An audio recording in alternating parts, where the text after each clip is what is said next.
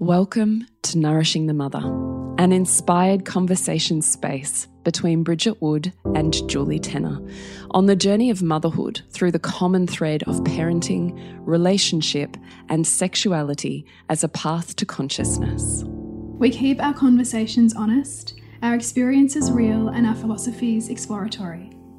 We believe that in order to raise incredible humans, we first have to raise ourselves. We know that in order to rock the family, you've got to nourish the mother. If you are here, you care about paving a path of conscious and intentional motherhood, connected with yourself and your gifts, and also illuminating your children in theirs so we may raise more whole humans who can impact this world in a more humane way. If you desire to integrate your learnings practically and supportively, head on over to bridgetwood.life or julietenner.love to go deeper. And for all live streamed, pre release podcasts and all our free content, head over to our free Facebook group, Nourishing the Mother with Bridget Wood and Julie Tenner. We are Julie Tenner and Bridget Wood, and we are so grateful you're here. Hello, and welcome to Nourishing the Mother. I'm Bridget Wood. And I'm Julie Tenner. And today's podcast is for your holiday listening pleasure. Our top three podcasts on manifesting. So these are three stitched together podcasts, our top three of the entire year for 2021. And what's super cool about these is these were also our most downloaded podcasts for the whole year. So not only are they super timely because we're all about manifesting at this time of year, they also are the ones that have been most downloaded. So we thought, why not offer them up again for you because there is some gold in here. Exactly. So, the three podcasts that you have in one podcast this week are the three keys to manifesting, the three keys to manifesting your family vision, and make manifest the space that liberates you. Enjoy. Hello, and welcome to Nourishing the Mother. I'm Bridget Wood. And I'm Julie Tenner. And today's podcast is the three keys to manifesting. So last week we looked at what was it to wrap up 2020.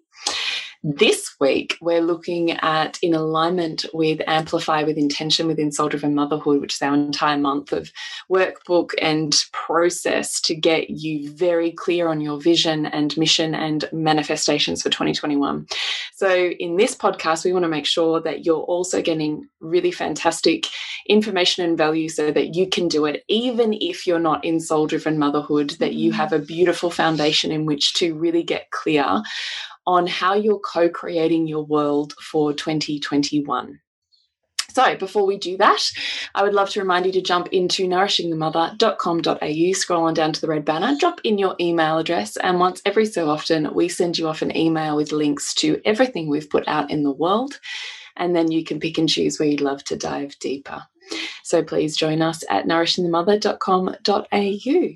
Yes. So, this is such a juicy topic because I don't know, 2020, like, in so in so many ways, threw everybody's manifesting plans right back at them. In you know, know, in many ways, if if we think about manifestation from the perspective of, you know, you you know exactly how it has to look, right? Yeah. Um, but you know, to those who had travel plans and to those who yeah. had, you know, big business plans or so many people's plans that they would have likely talked through at the beginning of last year really just got thrown, you know, on the cutting room floor. So mm. it's nice to preface this conversation with that and with the truth that there is so much process and planning to it and visioning, and then there is handing over. Mm. Mm. And not always knowing the form it's going to look like. Mm -hmm, mm -hmm. Well, I mean, I think the point is you're not solely in charge of creating, are you? That exactly. there's a co-creation yes. at work. It's like you kind of take certain steps towards something, and then the universe meets you, you know, to the degree to which you seek to meet it. Yes. Essentially. And everyone you're involved with mm. is co creating with you. Mm. Like any one experience isn't just set up for you or them. Yes like whatever we're continuously co-creating our reality in every single moment which means every human that's involved in that reality whatever that is Mm. is getting something and working towards something out of that manifestation And you've just reminded me of, of a statement that your that our mentor has said to us before, which is whatever what what is it? Um, whatever is consciously decided for you, you have sub you have subconsciously chosen, Mm, which feels so weighty and so heavy, yeah. but it talks to that like co-creation. co-creation. yeah. Yeah it is weighty it's one of those universal kind of statements isn't it that sometimes you're going to love and sometimes you're going to hate Yeah, yeah. Yeah. You know, because we love to man we love to we love to love manifestation when it's in the light Mm, and when it's what we might see as high vibe and big picture and huge goals. Um, but it can be a harder pill to swallow when we're navigating the trenches. mm, totally So it is wise to bring consciousness to what you are seeking to create Mm. and what you're desiring for yourself, for your family, for your broader world, Mm. which is what we'd love to talk through the how of today. let's look at that so step number one would be to get grateful hmm. So you want to make sure that much like our podcast last year, you've spent time doing a review of your previous year. Hmm. And within that review, really spending time mining the gold or looking for the lessons, looking for what you gained, hmm. even in the hardships of which you've traversed in the year that's preceded. So the reason I say that is because you've really got to go through a process of grieving to be able to let go. You've got to fully complete that cycle. So, Mm. see, hear, feel, touch, taste, whatever is unresolved from you that stays residual and niggly. You don't want to be holding on to anything from the previous year as you step forward in the new year. Because if you're holding on energetically, that then becomes bound and entangled mm. with whatever you're trying to create. And then there's this tussle and this wrestle, and the energy gets murky, and therefore the results and the, the manifestations get murky or mm. a little off course to what you might Mm. have designed. Mm. So you want to spend time having carved out hopefully some really sacred time, which is the purpose of why we're we're beginning our month with a uh, releasing ceremony tomorrow Mm. night, is to really hear, see, feel, touch, and taste the experiences of your year. And in doing that, when what is fully seen and fully felt can be fully dissolved. So you've got to really honor yourself. And you can't even rely on anyone else to see you. You've got to see your own suffering, pain, experience. You've got to hear it for yourself. And so often that that desire that we can have to be seen by others, by our partner, by you know, our other intimate relationships is ultimately really us desiring to see ourselves more fully. right. But it's it can be um, hard, and so this is why So it's a beautiful hard. invitation to do that. Yeah, totally. But I think you can't manifest with clarity if you haven't fully resolved and reconciled your previous year. It's like a bank statement, isn't it? You can't Mm. really just move forwards if you haven't reconciled your previous financial year. Yeah, otherwise it's all just all over the place. Yeah, and you Mm. don't really know where anything is, Mm. and you know all of that. So you've got to reconcile, like an accountant, your year that was, and out of that, go, okay, well, you know, these are things that didn't work. These are things I'm still holding on to. Let me see how I can be with those so that I can fully release them. What do I need to hear, Mm. feel, see, do, you know, whatever to be able to really let them go? And what have I really gained out of this year? What have I really learned? what has become really clear to me how has it changed my perspectives and the ways in which i view the world like what have i gained mm. out of that year? Regardless of how lessons came to you if everything is working for us then everything has a level of, of insight and wisdom in it. Mm. And it's a wasted experience if you're not going to pick that up and carry Mm. it with you. Mm. So I'd really love you to sit with what your previous year's lessons have been. And then when you've sat with what you've gained, we're asking you to take it a step further and do a universal flip on it. What we're asking you to do is all of the things that you perceive were missing, or all of the things that you wish you had, or that you're looking for mm. in 2021. We're asking you to see where do they exist in form, space, and time in your year already. Mm.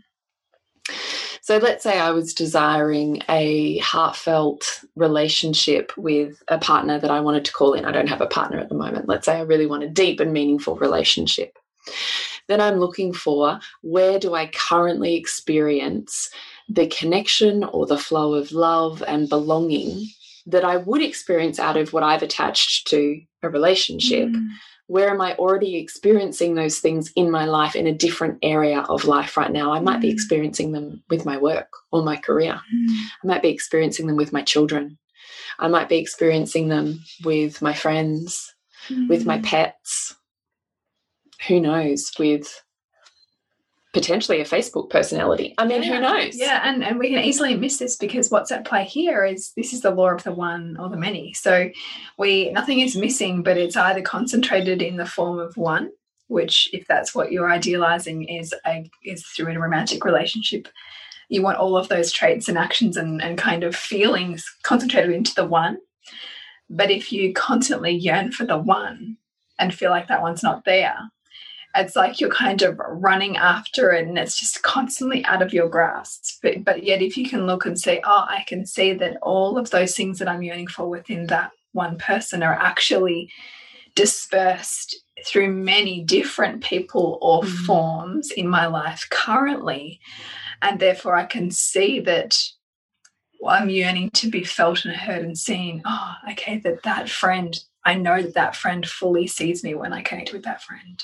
And I mm. know that I can feel touched by the ocean. And I know that I can feel warm and held and nurtured by my father. Mm. You know, and and see that everything that you're desiring is not missing. Mm. It's just it's just in a different form. And when we awaken within ourselves the presence of it in our life, it's like the universe then has the has the um, the permission to bring it closer because we haven't said that thing I don't have, that thing's outside of me, it's not me, I can't have it. Like there's energetically a resonance mm. now mm. with what we're desiring because we see that we already vibrate with it. What you appreciate appreciates, doesn't it? Mm, mm. This is the whole point of doing this is to when you appreciate that's an abundant mindset. Yeah and abundance fuels abundance. But if you're all sitting in the lack of, I don't have this thing, it evades me, it doesn't mm. exist in my mm. life, then that is the frequency you're sending out. Mm. That is mm. the evidence you will look for, and that is the frequency that will come back to yes. you. Yes. And if you, even if you're considering it simply by our brain and neuroplasticity, like if you consider it as a track, like you're just running the same track, oh no, it's not there. Nope, still not there. No, can't see it. You know, and your brain can't see it because you've given it so much evidence that it's not there, when in fact, looking wider will build your capacity to see it and and recognize its its presence already. Totally. So step number two would be to get really clear. Clarity of transmission. Mm. If you have a clear outward single signal, you get a clear result. Mm. But if it's murky and muddied and a little bit like, oh, I don't know, maybe a bit of this, I don't know, or this huge umbrella, like, I just want more abundance. I just want more connection. And it's these huge, waving, sweeping umbrellas. Then you get this kind of like, dispersed energy back when what you're wanting mm. is a laser focus so that you're really receiving exactly the frequency that you're after rather than this dispersed kind of brush over. Mm. So, we do want you to get really clear on what you want. And this means really going to town and creating the list of your dreams. What does it look like? What would you love, desire, want with no limits for 2021? What would you want in 12 mm. months? What do you want in five years? Like it really is about, okay, gosh, I really want this thing, but I'm really feeling like I can't do that this year. Cool. So when would you see that happening? Okay, five years, cool. So it still goes on your vision board. Mm. Who knows when the universe orchestrates with your own divine timing to bring it to you? But you have to be willing to say, this is what I want. Mm. You have to actually put an order in with the chef, mm. Or else they don't know what you want and you're probably not going to eat. Sounds pretty dismal. but isn't it? I often think that's a hard thing, though, isn't it? To... Well, I mean, even as you're saying, I'm like, gosh, like what do I really right. truly want? Exactly. That's what I mean. It's actually it's, a way harder question than what you think. Yeah. Well, I mean, often we know more about what we don't want than what we want. Yes. And it's also because well because who really? I mean, who, we weren't raised to ask you know, for what we want. Our parents didn't no. say, "Sweetheart, darling, what would you love your life to be?" No. Whose parent? Whose no. parents asked them asked you that? So therefore, you don't have literacy in your desires. No, so true. It's so true. Mm. So spending some time though really and I don't care if it takes you, you know, three journaling pages. What do I want? What do I want? What do I want? What do I want? You might choose to go through the different areas of your life that are really meaningful to you. Or if you recognize that what you're seeking is growth or a change in one area of life that you're really getting clear, okay, let's laser in on that area of life. What exactly is the change that I'm after? Mm. Like the clearer you can get with your request, the clearer your result mm. will be. So it's worth really spending time on it. Now, I know also, Bridget, you always say you have to write it out. Mm. There's something about the pen to paper that almost creates more solidity in the manifestation.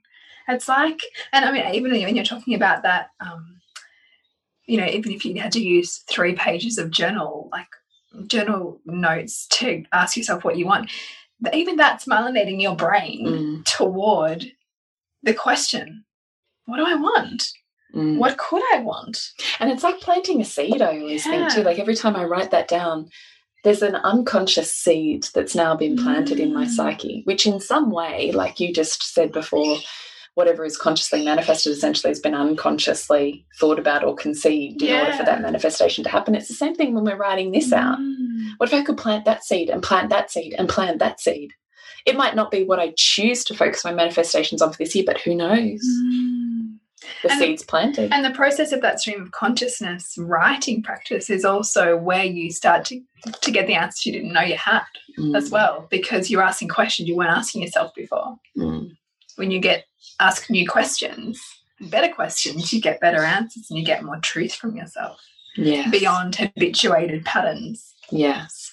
Last year, when we did Amplify in January, I spent a lot of time getting clear on what I wanted. Mm. And I did, I was the person who wrote like, you know, three. I mean, we have a workbook, so I was like scribbling all over our workbook.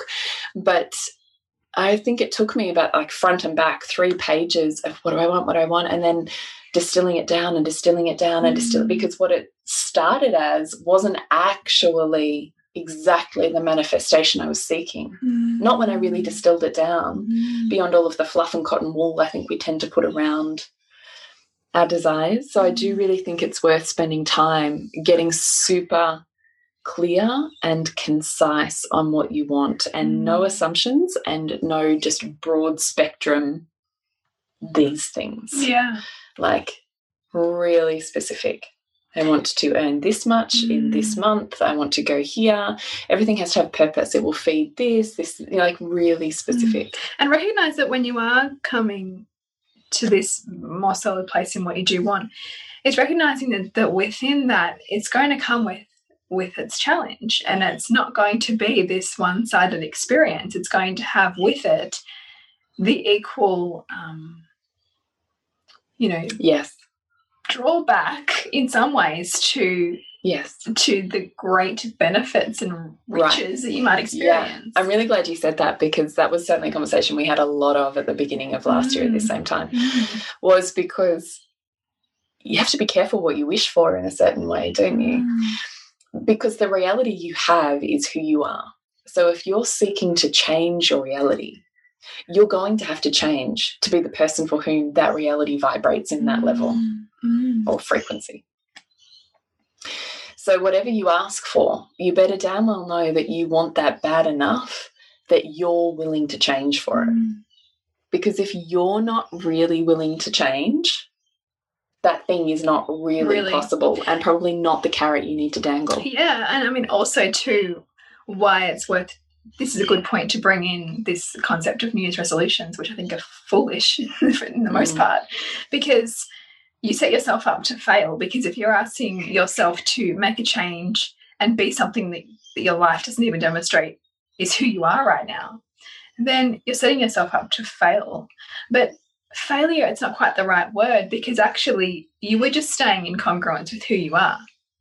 But if you want to change who you Mm. are, that habit change can sometimes or often be grueling Mm. because you're literally on the fly. Like, you know, anybody who started an exercise program, you fucking don't want to go to the gym. No. Like, And it hurts. and it hurts and you want to quit or you know or if you're like going i don't know gluten-free dairy-free someone's gonna like offer you something amazing and you just want to want to have it yeah. and the test is what's more important in that moment for you it's not a failure Mm. because you're just going to revert back to whatever your values are but it's asking you do you want this bad enough are you willing to do the work that's involved in having this a little like you and i talk about with birth like there's not a good birth fairy yeah. like there's usually a shit ton of work that goes into that experience Mm. much like someone doesn't just show up on a marathon Mm. on like game day and run it Mm. like they've done a lot of preparation to be fit to run that Mm. and this is the work to be fit Mm. To run the year the way that you desire Mm. I was speaking actually on Christmas Day to um, my brother-in-law's daughter, so my niece, but not by not by blood. I'm not sure what you say to that. Is it step niece? i don't even know what the word is for that It's even step. I don't even know. Anyway, let's go with niece. And she's a fitness fanatic, and Niece Completely gorgeous. removed. i don't know anyway details, details. whatever it is, I'm cool to go with it. And she just gets up, just I mean, she's like 25 or something, and she just gets up and just goes for a, a run, and then because we're down at the bay, uh, you know, on the coast at the beach, and then you know pulls her board off her off her car and paddle boards, mm-hmm. and then arrives back home to have a green smoothie. And I was like watching this like going, oh, I remember being that. yeah yeah now I was like, oh god, I don't think I do. I said to her, gosh, do you like, do you really love running? And she's like, oh, I love it. Mm. We're like, you really love it. like you're not even just saying Yeah. it. you really like, you really just enjoy doing it. And she's like, yeah, I like really do. and I said, okay, what is that? Like, how how do you get to the point where you just love this level of physical exertion? And she said to me, well, I think it's the fact that you've got to build up to a certain level of fitness. Mm. And once you've built up to a certain level of fitness, it gets fun. It's not Yeah, hard anymore. right. And then, you, and, It's then, fun. and then you don't want to lose it as well, I suppose. you don't want to lose it. And I was like, just as you were saying that now, I'm like, oh yeah. Because that's me, let's say, in business or personal development or Mm. mindset, or Mm. I've trained myself through the really hard shit to get Mm. fitter and fitter and fitter and fitter. And now it's super fucking fun. Yeah. But it wasn't always. I was me looking at the 25 year old going, oh God, I don't think I can run down my street. right? yeah, But I just love that concept of it's just a form of fitness Mm. and it gets fun when it stops being hard. It's almost like once you step into like this your own slipstream in a Mm. way. When you've built that, you've built that muscle. And I think that can be applied to anything we're seeking change for is that Mm. if you want it badly enough, you're willing to train your fitness level in whatever area of life that is relationship, parenting, Mm. finances. And I would, and if you're listening to this and you're going, oh God, but I'm not that anywhere, I call bullshit because look in your top values, look where you find ease, and then you'll likely find other people don't find ease in that at all. Right. And that that is your own slipstream. Like you've built and trained yourself to operate at a level of mastery in some way, or that you're continuing to practice mastery because, like the runner, Yes. you enjoy it. yes. Like you get something out of what someone else might go, oh God, really? You know? Yeah, totally. Totally. So I would just love for you to think of yourself as the sluggish middle aged woman looking at the 25 year old fitness freak and go, which am I right now?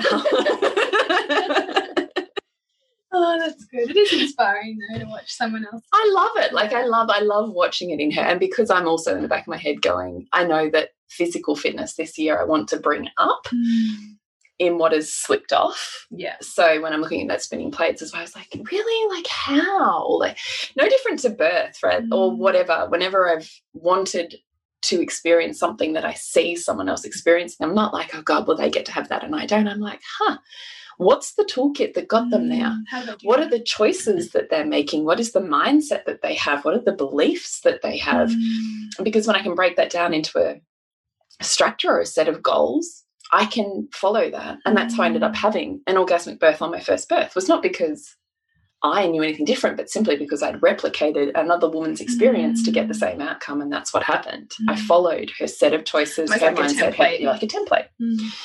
So I'm looking at her going, How does that get to be fun? I want it to be fun. How? Mm. So I don't know what my point is to that, but I was more saying that's how the conversation come about. But I'm now, as we're talking about this, going, okay, no, no, no. I can see where I'm really fit. It's just that I'm comparing myself. Yeah, the form. Right. I'm comparing yeah. the form because it's where I currently perceive that I'm underplaying mm. and she's a high achiever. Mm. And so the stark difference feels, well, stark. Yeah. And so I'm sitting there going, ah. so it would be easy for me to fall into not good enoughness. Yeah. Or I could just recognize that my brain is filtering my world mm. for me to see what I'm trying to value. Mm. And I can choose to have that be inspiring. Yeah. Because that's the thing, you can either use that space in between to be inspiring and pull you towards it, or you can choose it to be shame inducing and you'll collapse and then make it not possible for you. And so you'll continue on the same track. Mm. Like it's the choice, right? Yeah, totes. Mm. So that was an interesting metaphor. the last step on getting clear is taking action. Mm. Now, you and I riffed around on this point as a nuance a little bit before we started recording. We Do you want to kick it off? Yeah, so originally you'd had down there, now it's the how. Yes. And I was like, yeah, but like it's the why, right? It's the why yeah. first. Yeah. Because so often when we get super clear on the why, the how comes in and takes care of itself. However, it can't just be a simple, I want a million dollars. Let me just wish for it and intend for it. And I just know at the right time it's just going to happen because my why is big enough. No. The action step has to come in to get you into momentum, into motion toward it so that it can also begin to move toward you. Hmm. And that action doesn't mean that you have to get super nitty gritty on the exact detail of what it looks like or what it is, hmm. but that it needs to be um, bringing clarity to your desired form or your desired outcome, your desired experience or feeling, so that it has something to crystallize. Yeah. Well, I just think action is really important and i think that it's often the part that's missing from manifestations happening mm. is you've, yes you've got to have intention but intention without action is wish mm. and that is not a form of energy that has a as a behind it like it just it mm. dissipates mm. so there has to be action and in sorry there has to be intention and inspired action mm for something to change, you do have to be willing to be active in the process of change. Mm. And I think that's neurowiring as much as it's habit changing mm. and physically doing the things that create a different reality. I don't doubt that every incredible human across history who's had a vision of a flying machine and of electricity mm. and of motor cars had a vision of what they wanted and continued to work towards it until mm. boom, it happened and they, they got it.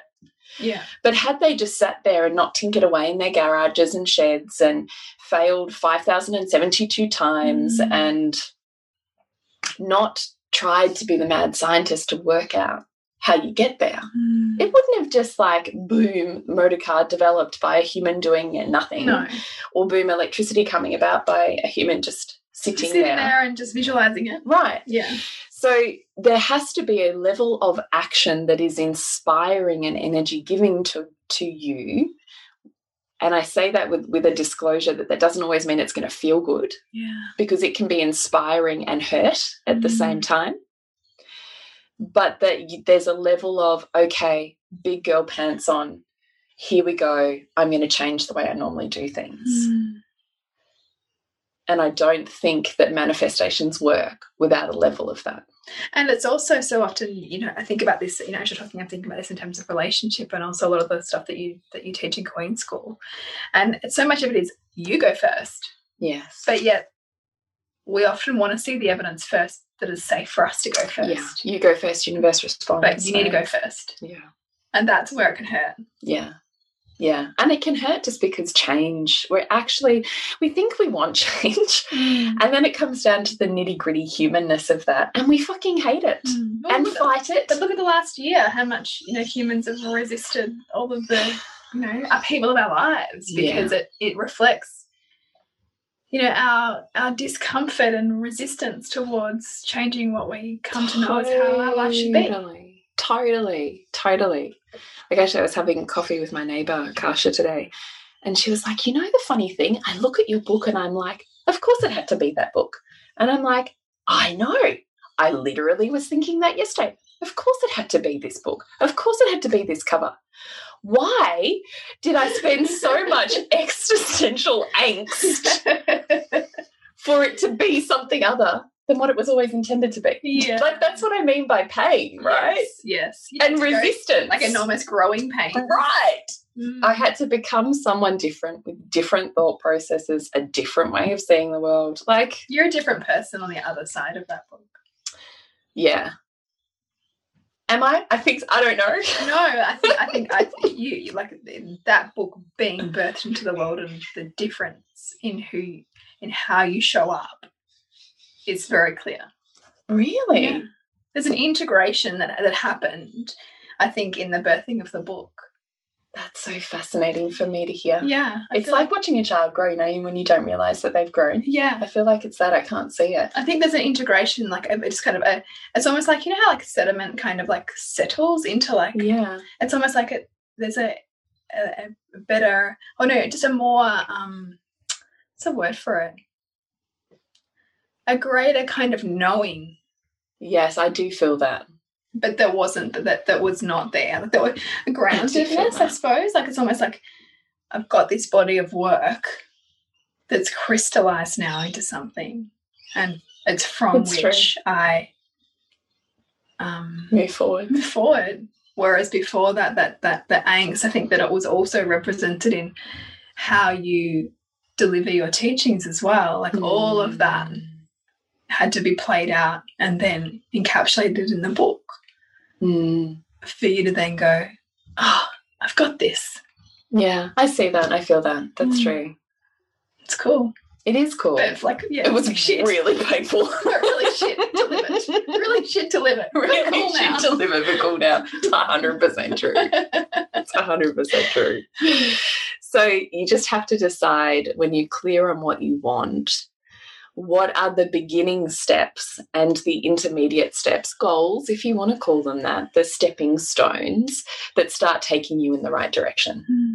So I remember, you know, years ago, I had we did Flippy Finances, and I was saying I really want to get more financially empowered. Finances hmm. wasn't even didn't even register on my values. Hmm. Like it somehow murkily sat down at I don't know ten or eleven But the something. beautiful thing was, even when we did that, you were still really courageous in staying in your own discomfort long enough to go, I want this.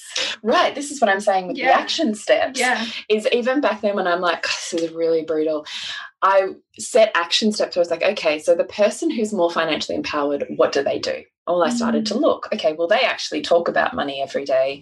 They actually check their bank account every Mm. They actually know exactly where their money is, where it's going, how much they want to call in, and when they call that money in, where that's going to. Well, shit, Julie, you don't know any of those things. Mm. So I literally started there. Okay, that's what a financially empowered person is like. That's who I wish to become. So therefore, I have to change my habits To build that in. to be that.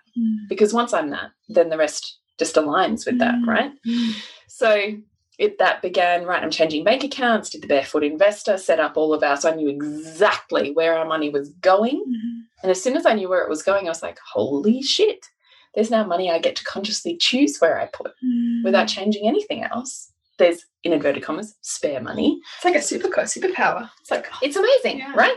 And then it was okay. I'm going. I'm fine. I'm really working on this area of life, so I'm going to stop reading all of the books on relationship, spirituality, consciousness, and parenting that largely take up the sum of my reading time, and I'm only allowing myself to read Mm. money books. Mm. And I'm not allowed to read one of the books that I really want to read until I've read a money book, Mm. and I would alternate them. So it was like a little bit of a reward for myself.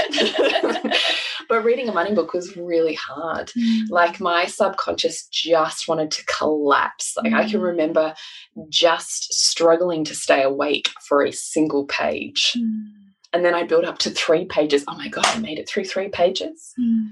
And then it would be like a, you know, mini summary within a chapter. Wow, I just read a mini summary. Mm. And then it was a chapter. Oh my God, I loved that chapter. Give me more. And I was like, oh, It's so cool. this is how it stretches. Mm.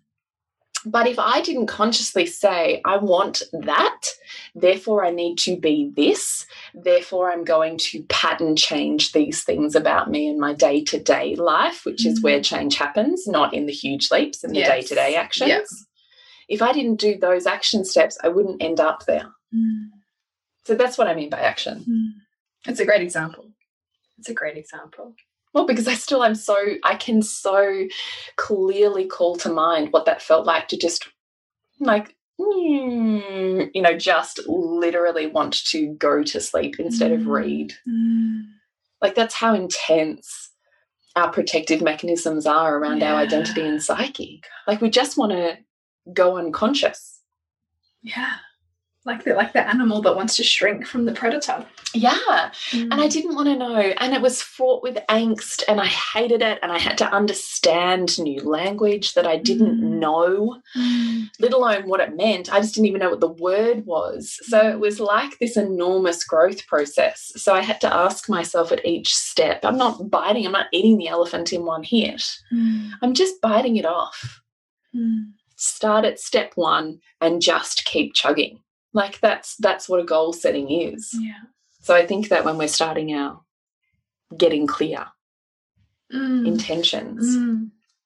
And to to make it bite sized like that, so it's not overwhelming. Because if it feels overwhelming, You won't do it. you won't do it. No way. Mm. I always ask myself that, okay, how, how this is not feeling good, how can i feel good? What would help me here? Mm. To make it possible. Yeah. Yeah. Yeah. And the last step, the keys to manifesting, might seem a little bit counterproductive, but then you have to let it go. Mm. It's like blowing a dandelion. You remember when you used to blow the wishes to the fairies or to whoever, you know, you make your wish and you're holding on to it and then you you blow it out into the world and you watch it fly on the breeze and you just think, I hope it makes it to where the fairies live. You just have to let it go. Mm. Like the way that the little dandelions ride the breeze. You have to know that you, it's enough for you to get clear, set the intentions, say you're going to stay on track or keep yourself on track by daily intentions or daily Mm. actions towards becoming the person, but you tuck those things away and you just let the universe decide the how. Mm. Yeah. Which can be really tricky because you want to control things. Right, that's what I mean. It Yeah. sounds counterproductive Mm. because up until now I've been like, right, you can co create, you can, yes, you can, all those things. And then once you've said it, create some sort of ritual for yourself that's like kissing the dandelion leaves to the wind. And then let it go. Let Mm. release any attachment to form, release Mm. any attachment to it must be delivered in this way. Release any, like, you and I would both sit here and say we could not have predicted anything that happened in 2020. Mm. I know, right? Like, nothing. Mm. So, trying to just hold on, my way is the best way. It has to be this way. If it's if it's not this way, it's not manifested. Mm. Is foolish. Yeah. Yeah, so to be open to see what the form looks like. Yeah, because it could be delivered in something that you could not ever conceive of because you're living you in your current reality, mm. and the person who can conceive something different is in a different reality, mm. and it's a better reality. But you can't decide the end goal from your viewpoint right now. Mm. So you set the intention and you just let it go, kiss it to the wind, however this is, this or something better. Let's do it. This or something. I'm going to do my part right? You go first. Universe responds. I'm going to do my part. Here's my daily actions and intentions. Now you do your part, universe. Mm. So powerful. Isn't it cool? And I think also, too, it's about how do I consciously create my world to support this as well? Like, who? Do, what do I need to be constantly reading? Mm. Who do I want to surround myself with? Like, knowing how much we are imprinted by the people we spend the most time with. Mm. How do I um, what do I want to have in my ears if I like to listen to podcasts or mm. books or, you know, what do all of those things um, need to be in order for me to step toward what I've put down here? Mm. And am I willing to let it trigger me? Because you will be triggered into your growth. Mm -hmm. And that is good. So you want to move toward that and be with the challenge of what that can feel like and notice notice of your own patterns of collapse or your own patterns of like otherizing and what you gain out of that mm. as well because in in in our um when we do our which we've actually sorry this is actually going to go this podcast will be live just after we've done our Amplify First workshop. But in that, if you join um, Soul Driven Motherhood, you'll still be able to catch the replay on that. In that, we're going to look at being with ourselves and how we've triggered ourselves, mm. right? Because if you go back and look at um, 2020, for many of us, just dealing mm. will have been coping mechanisms that we might not like be super proud of. And if we sit with that, we can be in shame. And the long the more baggage of shame and guilt we carry, the lower it tends to increase or lower it tends to reduce our self-worth. Mm. And so we also want to see the magic of where we judge ourselves and the magic of the denser stuff and what we got out of it mm.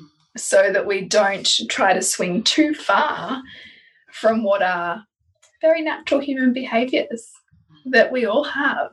And that when we can see what we've got from them, we don't get to be hamstrung by them. Yes. Which Indeed. then cycles us back into them again, right? So if you would love to join us for Amplify with Intention, you can do that via Soul Driven Motherhood, which you will find the links for on any of our socials, Nourishing the Mother on Facebook and Instagram, nourishingthemother.com.au. Scroll on down to Soul Driven Motherhood, and that is where you'll find it. It's just $39 for an entire month plus 11 plus courses. Yes, it's so much. it's there. either a weekly workshop or it's a monthly program. So it is an incredible wealth of knowledge and conscious community that would more than happily embrace your presence, mm. knowing that you share the same values. So please consider jumping in and making your 2021 exactly what you want it to be. Yes. This podcast is brought to you by Honey Club and Reimagining Motherhood. Your spaces for intimacy and feminine embodiment, and conscious parenting and inspiring motherhood. Come join us at julietenner.love and bridgetwood.life. Hello and welcome to Nourishing the Mother. I'm Bridget Wood. And I'm Julie Tenner. And today's podcast is the three keys to manifesting your family vision this year. So, we know if you're listening to this podcast that family, parenting, having and navigating a level of consciousness, meeting needs, and fulfilling connection within your family is really important. But unless we spend the time at the beginning of the year to really map out what our end goal, vision, where we're steering the ship mm. towards actually is, like any manifestation, it just doesn't really come to fruition. So, where last week we looked at the three keys to manifesting as a general concept, Today, what we want to be looking at is the three keys to really getting clear on manifesting exactly the family life that you are after and making that intention really tangible. So before we dive into that, we'd love to remind you to jump onto nourishingthemother.com.au, scroll on down to the red banner, fill in your email address, and you will receive emails sporadically when we send them out. But we promise that we will let you know what is going on, and you then have an opportunity to know and choose if you'd love to dive deeper. So, nourishingthemother.com.au. So, we know that in businesses and corporates and any kind of institution that values and mission and purpose are just go hand in hand with something mm. that you would um, look to for the direction of that company institution. But how often do we really think about that with the same rigor mm. with our family? Mm. It's just, it's not really culturally mm. done. And yet, it's really powerful to do in terms of setting the values that you want to raise your children with, mm -hmm. in terms of planning your experiences together, in mm -hmm. terms of how you collaborate together so that everybody feels good in the home, mm. what boundaries look like, you know, all of these kinds of things. If we actually set some intentions around and goals around and practices around, actually bring a lot more ease mm into and fulfillment into a family. So that's why we want to take this podcast. Yes, it is. So, where we want to start is key number one. Just like where we reviewed 2020, what we want you to take stock of and take a conscious cup of tea for. Rule up your piece of paper with a line down the middle, and on one side, what's working, and on mm. the other mm. side, what's not working. Mm. and just spend some time just to spitball. Just you want to throw out everything onto the page. Mm and then we want you to distill and dilute or, or, condense make more concise what you've got in each of those columns. Until you can start to see there's some really clear themes or mm. for you key areas that you're either feeling super grateful and you want to spend some time appreciating you want to keep going with because it's working really well mm. and perhaps some key areas where you're like oh that's feeling hard or sluggish or I feel like I'm failing or not meeting the bar in these mm. particular ways or areas. So, we really want you to first off reconcile what you know, you got to celebrate your successes. And I would really invite you to make them quite even. Mm. I don't want to see that you've got um, so much that you're hating on yourself for that it's you know really this tiny little amount of celebration and this huge amount of self-flagellation mm. what we want you to do is really keep asking yourself what am i doing really well what is working really well here mm. what is this well-oiled machine doing how is this developing everyone and working towards the vision that i have previously had what is working mm. and then to balance that with and what is a bit clunky mm. and not exactly as smooth as I would like it to be. Mm. Can you talk a little here? Because it can be very easy to go, well, the kids are fighting, or this, this behavior. It's or, true. Right? Like it's very easy to kind of throw. to wish for the peaceful. Yes. yes.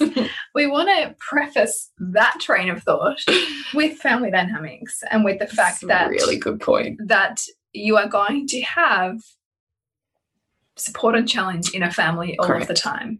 Yeah. And that the more that you are desiring for this peaceful, calm, you know, experience of your family, the more you are going to run into its opposite because your family grows most effectively and for each person in the family most effectively at the border of support and challenge. Mm. So, support and challenge, that border of it, will look like kids picking on each other. It'll look like edges of resentment sometimes because that's often what we need to push ourselves back into us, ourselves again and, and go after what we value.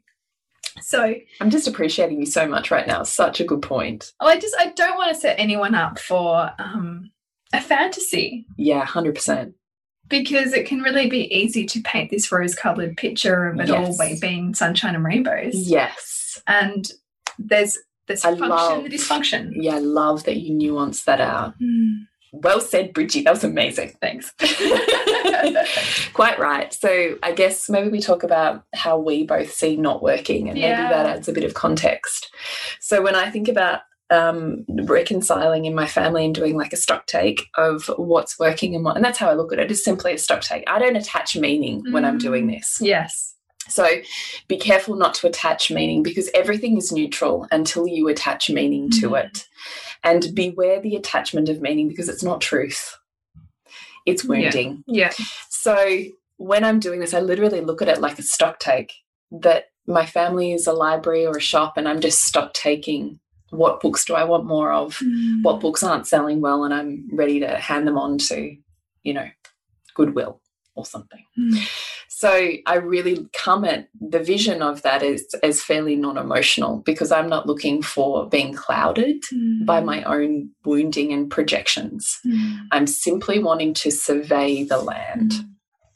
So when I talk about what's not working, what I'm talking about for me is where is it feeling hard, but like hard in a way that I'm like, this is just so not working. This is too hard. Like And, and hard in a way where you know that actually there's a there could be a better structure here. right, Like I know this feels hard because I don't have the right structure. right. Not just I know this is hard because I don't want to feel these human emotions. Good point too. You are on fire tonight. um, so I'm looking at more my experience because motherhood is a top value of mine, as I'm sure it will be for all of our listeners. Is there's a level of ease that comes with that Mm. because there's a level of mastery that has come with a top value, and that is the same for anybody's top Mm. value. It doesn't matter what it is. Mine happens to be family. God bless my soul which means I know what it feels like to feel fulfilled even when it's imperfect, and what it feels like to feel satiated even when it's not perfect, and what it feels like to go, No, I've got this shit, we're good. So if it's not that, then I'm going, Mm -mm. no, no, no, there's something that has to change here. So let me look at that. So I just want to look at what is, because really for me, I think that motherhood should feel relatively effortless, not in the point where I'm like, oh, my life's so great and I'm skipping around like rainbows and everything, but a sense of ease with, I've got this. Mm. This is working. We're mm. good here. Not a sense of I'm strung out, wrung out, overwhelmed to the Yeah. point of not knowing who I am anymore. Not that. Mm. I know that doesn't have to be a reality mm. And I know that I can gain as much fulfillment and sense of self out of motherhood as I perceive I lose. So if that's not in equal balance, if not tipped more, you know, towards fulfillment, then then it's opposite. Then I know something's not working there. Hmm. How would you explain it? Yeah, much like that. That it's really about looking at the at the whole, you know, everybody in the family, about the unit, about how we're flowing with each other, and also how we're flowing in the home, and where my kids are also at, like developmentally. Like, am I? Is there something that I'm not accounting for, and that's why it's feeling hard right now, or is there an area where somebody could be stretched more to help? You, you know, us all To work step as a up a unit. bit. Yeah, like so. For instance, like my seven-year-old, is am I stretching him enough to be able to grow the family as well? Yeah. Um, and how are everybody's needs feeling met right now? Like, how am I feeling within myself? And how can I see each person within the unit feeling within themselves right now? Mm. So that there is a level of respect for the individual, for each individual and their growth and their interests. And of course, my own. Because, like you said, like, if you've got to the point of feeling completely wrung out and overwhelmed, you've missed your own boundary. It's not working. Yeah. So the idea of creating these kinds of audits is really so that you know that point within yourself and you know that point at which something has to change because it's no longer working. Mm. And you'll hit this, you know, quite often, I think, in the early years where you know that um, maybe co sleeping is no longer working anymore, or you need to change things up so that you're not always the one who wakes up to the baby in the night, Mm. or there's some additional care needed for, you know, a child who is needing more stimulation and you can't provide that right now. You know, whatever it Mm. is, Mm. maybe you need to become honest with yourself and see where you um, where the ideals or fantasies that you might have had for yourself are no longer true for who you're becoming and so what do Mm. you now need Mm. That, that means that there could be an identity shift that's happening for you that you need to create space to be with as well mm. and to move through. So it's kind of how it looks for me as well. Mm. Okay. So when you've done your stock take of what's working and what's not, it allows you to survey the land so that you can get clear on where you're focusing your intention mm. or intention. I think you kind of touched on it. But then what we want you to do is then write down or put in a table each person's name mm. within the mm. family. Mm. And you may choose to include your partner or not include your partner. It's entirely up to you. You could just do your children if, if that's what you would like to do. And then in Bridget's words, reckon who they are and where they're at and where they can be better supported or stretched. Mm. Do you want to talk about what that means? Yeah, for so for that, and so um, I think a lot about probably my four year old who in a classic middle child, they kind of get tends to get squished. I wish it wasn't like a thing, but it, it is. it appears to be a thing. Yeah. so my middle child also um, probably has the most uh, challenges with regulation as well. So she's one that I'm looking at fairly regularly in terms of what does she need to feel connected to herself mm. and how can I scaffold around her to support that while also ensuring that she ha, you know is is cultured in the self responsibility that I want her to have in our family and that I expect from her seven year old brother. That I don't discount the fact that it's actually often really hard to get her to do the cleanup, mm. you know, like to get her to flip into like what I need from her because of her brain. Um, but not, but ensure that I'm, for instance, for example, supporting her to be able to contribute mm. and it not just mean that, oh, don't worry about it, it's easier to not get it to. You know what I mean? Mm. Because I'm letting her down, I'm letting everybody else in the family down if I skim over that. So that would be an example of, of seeking where both I need support for that child and where I can then stretch her. But I need to make sure that she's not hungry, that she's not too tired, you know, that she's not all of these other things that are already going to limit her capacity to be stretched. Um, and same with my with my seven year old as well as looking at is what I'm asking reasonable? How can I give him agency in what I'm asking? What's a system that's going to support him to stretch himself in alignment with his values and not me um, enforce the stretching through the projection of my own values onto him? So, how can we kind of collaborate on what that stretching looks like? Mm-hmm. Um, because you know, I know that when I hear myself say to him, it's not my job, that that's then, oh, we need to be having more conversations earlier about expectations, mm. contribution, mm. all of that stuff. Mm. Because I want it to be a collaborative family where I can feel nourished by it, not just the nourisher. Mm. Yeah. Amen. What does it mean, do you think, to reckon who your child is? So, to, for me, I mean, I, I don't know if you notice this, I'm sure you do, but your children, they just seem to transform like so quickly mm. as they grow and like their interests mm. go intense and super laser focus for a while and they just it seems like they've shifted again to something else and so it's keeping track of what that is and seeing what what brings a sparkle in their eye right now and how I can show up for that and be a reflection of that so that I help them and their personality develop um, in connection with their soul, right? Because they're looking to us as like God. And if God doesn't approve of them, how can they approve of themselves, right? So for me, that that that recon or that kind of audit is looking at what their values are showing me, like how, what is lighting them up right now? What's life showing that they're spending most of their time doing? How can I show them that I care about that? How can I show them that I think that that's meaningful? Um, at the same time is of course, ensuring that they can also contribute um, beyond that to the family. Um, but it's it's just an observation practice of noticing like where they're spending their time, their energy, what they're wanting to talk to me about, and practicing um, really having that spaciousness to value that too with Mm. them. Mm. So, knowing where they're at and how they can be better supported and stretched, that's a question that we ask ourselves. Mm. Mm. Yeah, and seeing where they're struggling. So, seeing where they might be struggling Mhm. socially, Mm. seeing where they might be struggling behaviorally as well, like Yeah. sibling dynamics in particular, like what sibling is, you know, where's the niggles at, Mm. for example, who maybe needs to be um, stretched in terms of friendship dynamics a little bit. Who can I put around them maybe that would help awaken something in them that I can see is a little dormant, for example? Um, Mm. and where can I see them feeling like, you know, my, my son sometimes will be like, oh, it's too hard, like, you know, the dishwasher.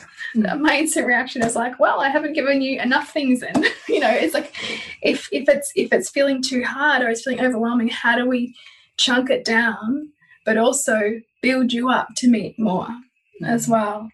Because if it just feels hard this little bit, then I you need more skills to be able to break that down and for that to feel achievable and then broaden because I have to think you know children can contribute so much and can do so much and derive a lot of self-worth out of their ability to contribute but if we take that opportunity away they can also just as easily become very happy to receive as well and Mm. very happy to have everything done for them Mm.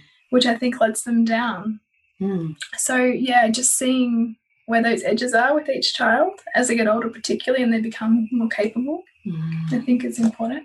Yeah, I love that. I love that. I actually just love having this conversation and just having the Mm. refresher and the reminder. Mm. I think it's easy too when we're kind of operating on autopilot that we can like miss like things like miss Mm. and also sometimes it, if our life is busy it can be so much easier to just do things but you know i don't think it helps them to i mean and i come I, this is from a void myself because my dad i just feel like my dad just used to pick up after us Yeah, you've said this many times. yeah. Yeah. And so and even my mum and I were talking about it, like it was it was really his way of showing his love. It was really an expression of love for him. But I, but I can see how for my brother and I, it was we could have like done more. You know? Do you see that as detrimental to your life, though? I don't know. Maybe maybe I do a little. I mean, I don't know that it was because I, we were also like teenagers, and I remember working a lot, and it wasn't like I wasn't sitting on my ass. You know, I Mm. was working and stuff. But um, I just really would like my kids to have it, be able to see beyond themselves. You hmm. know, like see beyond their immediate hmm. need to what other people might need. Yeah, I get that. And so I think the house is a great training ground for that. Maybe it's a great time. Sometimes I wonder, are we ever going to get there? yeah, yeah, yeah. And then also like, and and is it? At what point do you just go, oh, it's too hard? Like just Yeah, I do. Yeah, I always I do that wrestle between what is developmentally, um, re- realistic. yeah, versus I'm asking my children to develop aspects of the self, which I'm not saying they can't be developed because I also recognize that there's potentiality in anything that we're exposed to. Right? Yeah, Versus what I know, there's plenty of adults around us who do not have the capacity for. mm, But is that because they're underdeveloped? in that. Yeah, because the adult is underdeveloped? Or because the child's underdeveloped and not ready? You know what I mean? I know, and, it, and it's a wrestle. And then also, I kind of go back to like my mum's story and like the fact that, you know, she was like five and like making all of her like brothers and sisters, like her 11 brothers and sisters, you know, like yeah, my lunches God. and like there was no indulgence. But then this part of me is like, damn it, you're capable. Like, but then the other part of me is like, but I also don't want you to have this emotionally wounding experience. You have to be capable. Yeah, no, I know. It's always it's always something I wrestle with too. And I find I laugh at myself, but I find myself going, Do you know when I was your age? Yeah. yeah. I'm sure I hated every, every, bit of that when I was little. And yet I can't. I'm like, do you know when I was your age? oh, I think there's a part of that that just comes in when you feel a sense of entitlement. Okay, like it's, when you hear like hear an edge, there's an edge of entitlement or an edge of kind of like um inability to see wider. You mm. just kind of like to give that little reminder sometimes. Yeah, sometimes you do. Sometimes you do. I often think about this in terms of education, funnily enough. Like, even as we mm. were going through this, I'm like, yeah, okay, I could actually take better stock of sibling relationships and what they actually need. Because I'm largely just kind of step back and let that play out however it needs to play out and only mediate if it's absolutely necessary. Yeah. But I could have a level. That's not true. You mediate a lot. Do I? I think you do. Oh, I think you do. Maybe my radar's just off. I think you do a fair bit. I know. I know. Um, from a neurobiology point of view, the idea is that parents really only step in if there's about to be blood. Like, the, well, I'd probably step in a fair well, bit before that. Yeah, you step in a fair bit before that. because in terms of like the family unit and the and the um the way the kids are setting each other up to feel what they feel and the, the siblings mm. are trying to work mm. out infatuations and resentments and order and there's so much unseen stuff that parents can't really mm-hmm. understand that there's a different language that children are trying to um, integrate. establish and integrate mm. and so there's wisdom you know in their conflict and I totally allowing them but then also obviously and also to handle it. Like i also just think there's a certain skill set in being able to you know like water off a duck's back. You can only do that out there if yeah. you've learned that skill in here. Yeah. Because otherwise you're mortally wounded out there. Mm, so true. Yeah if you try to make your kids super super supported and you know have all of this peace inside the house inside the home and you don't allow sibling conflict or you shut it down really quick the conflict will just come outside comes outside and they don't then have any type of support, safe space, or skills for handling that. Mm, mm. So I don't see it as better.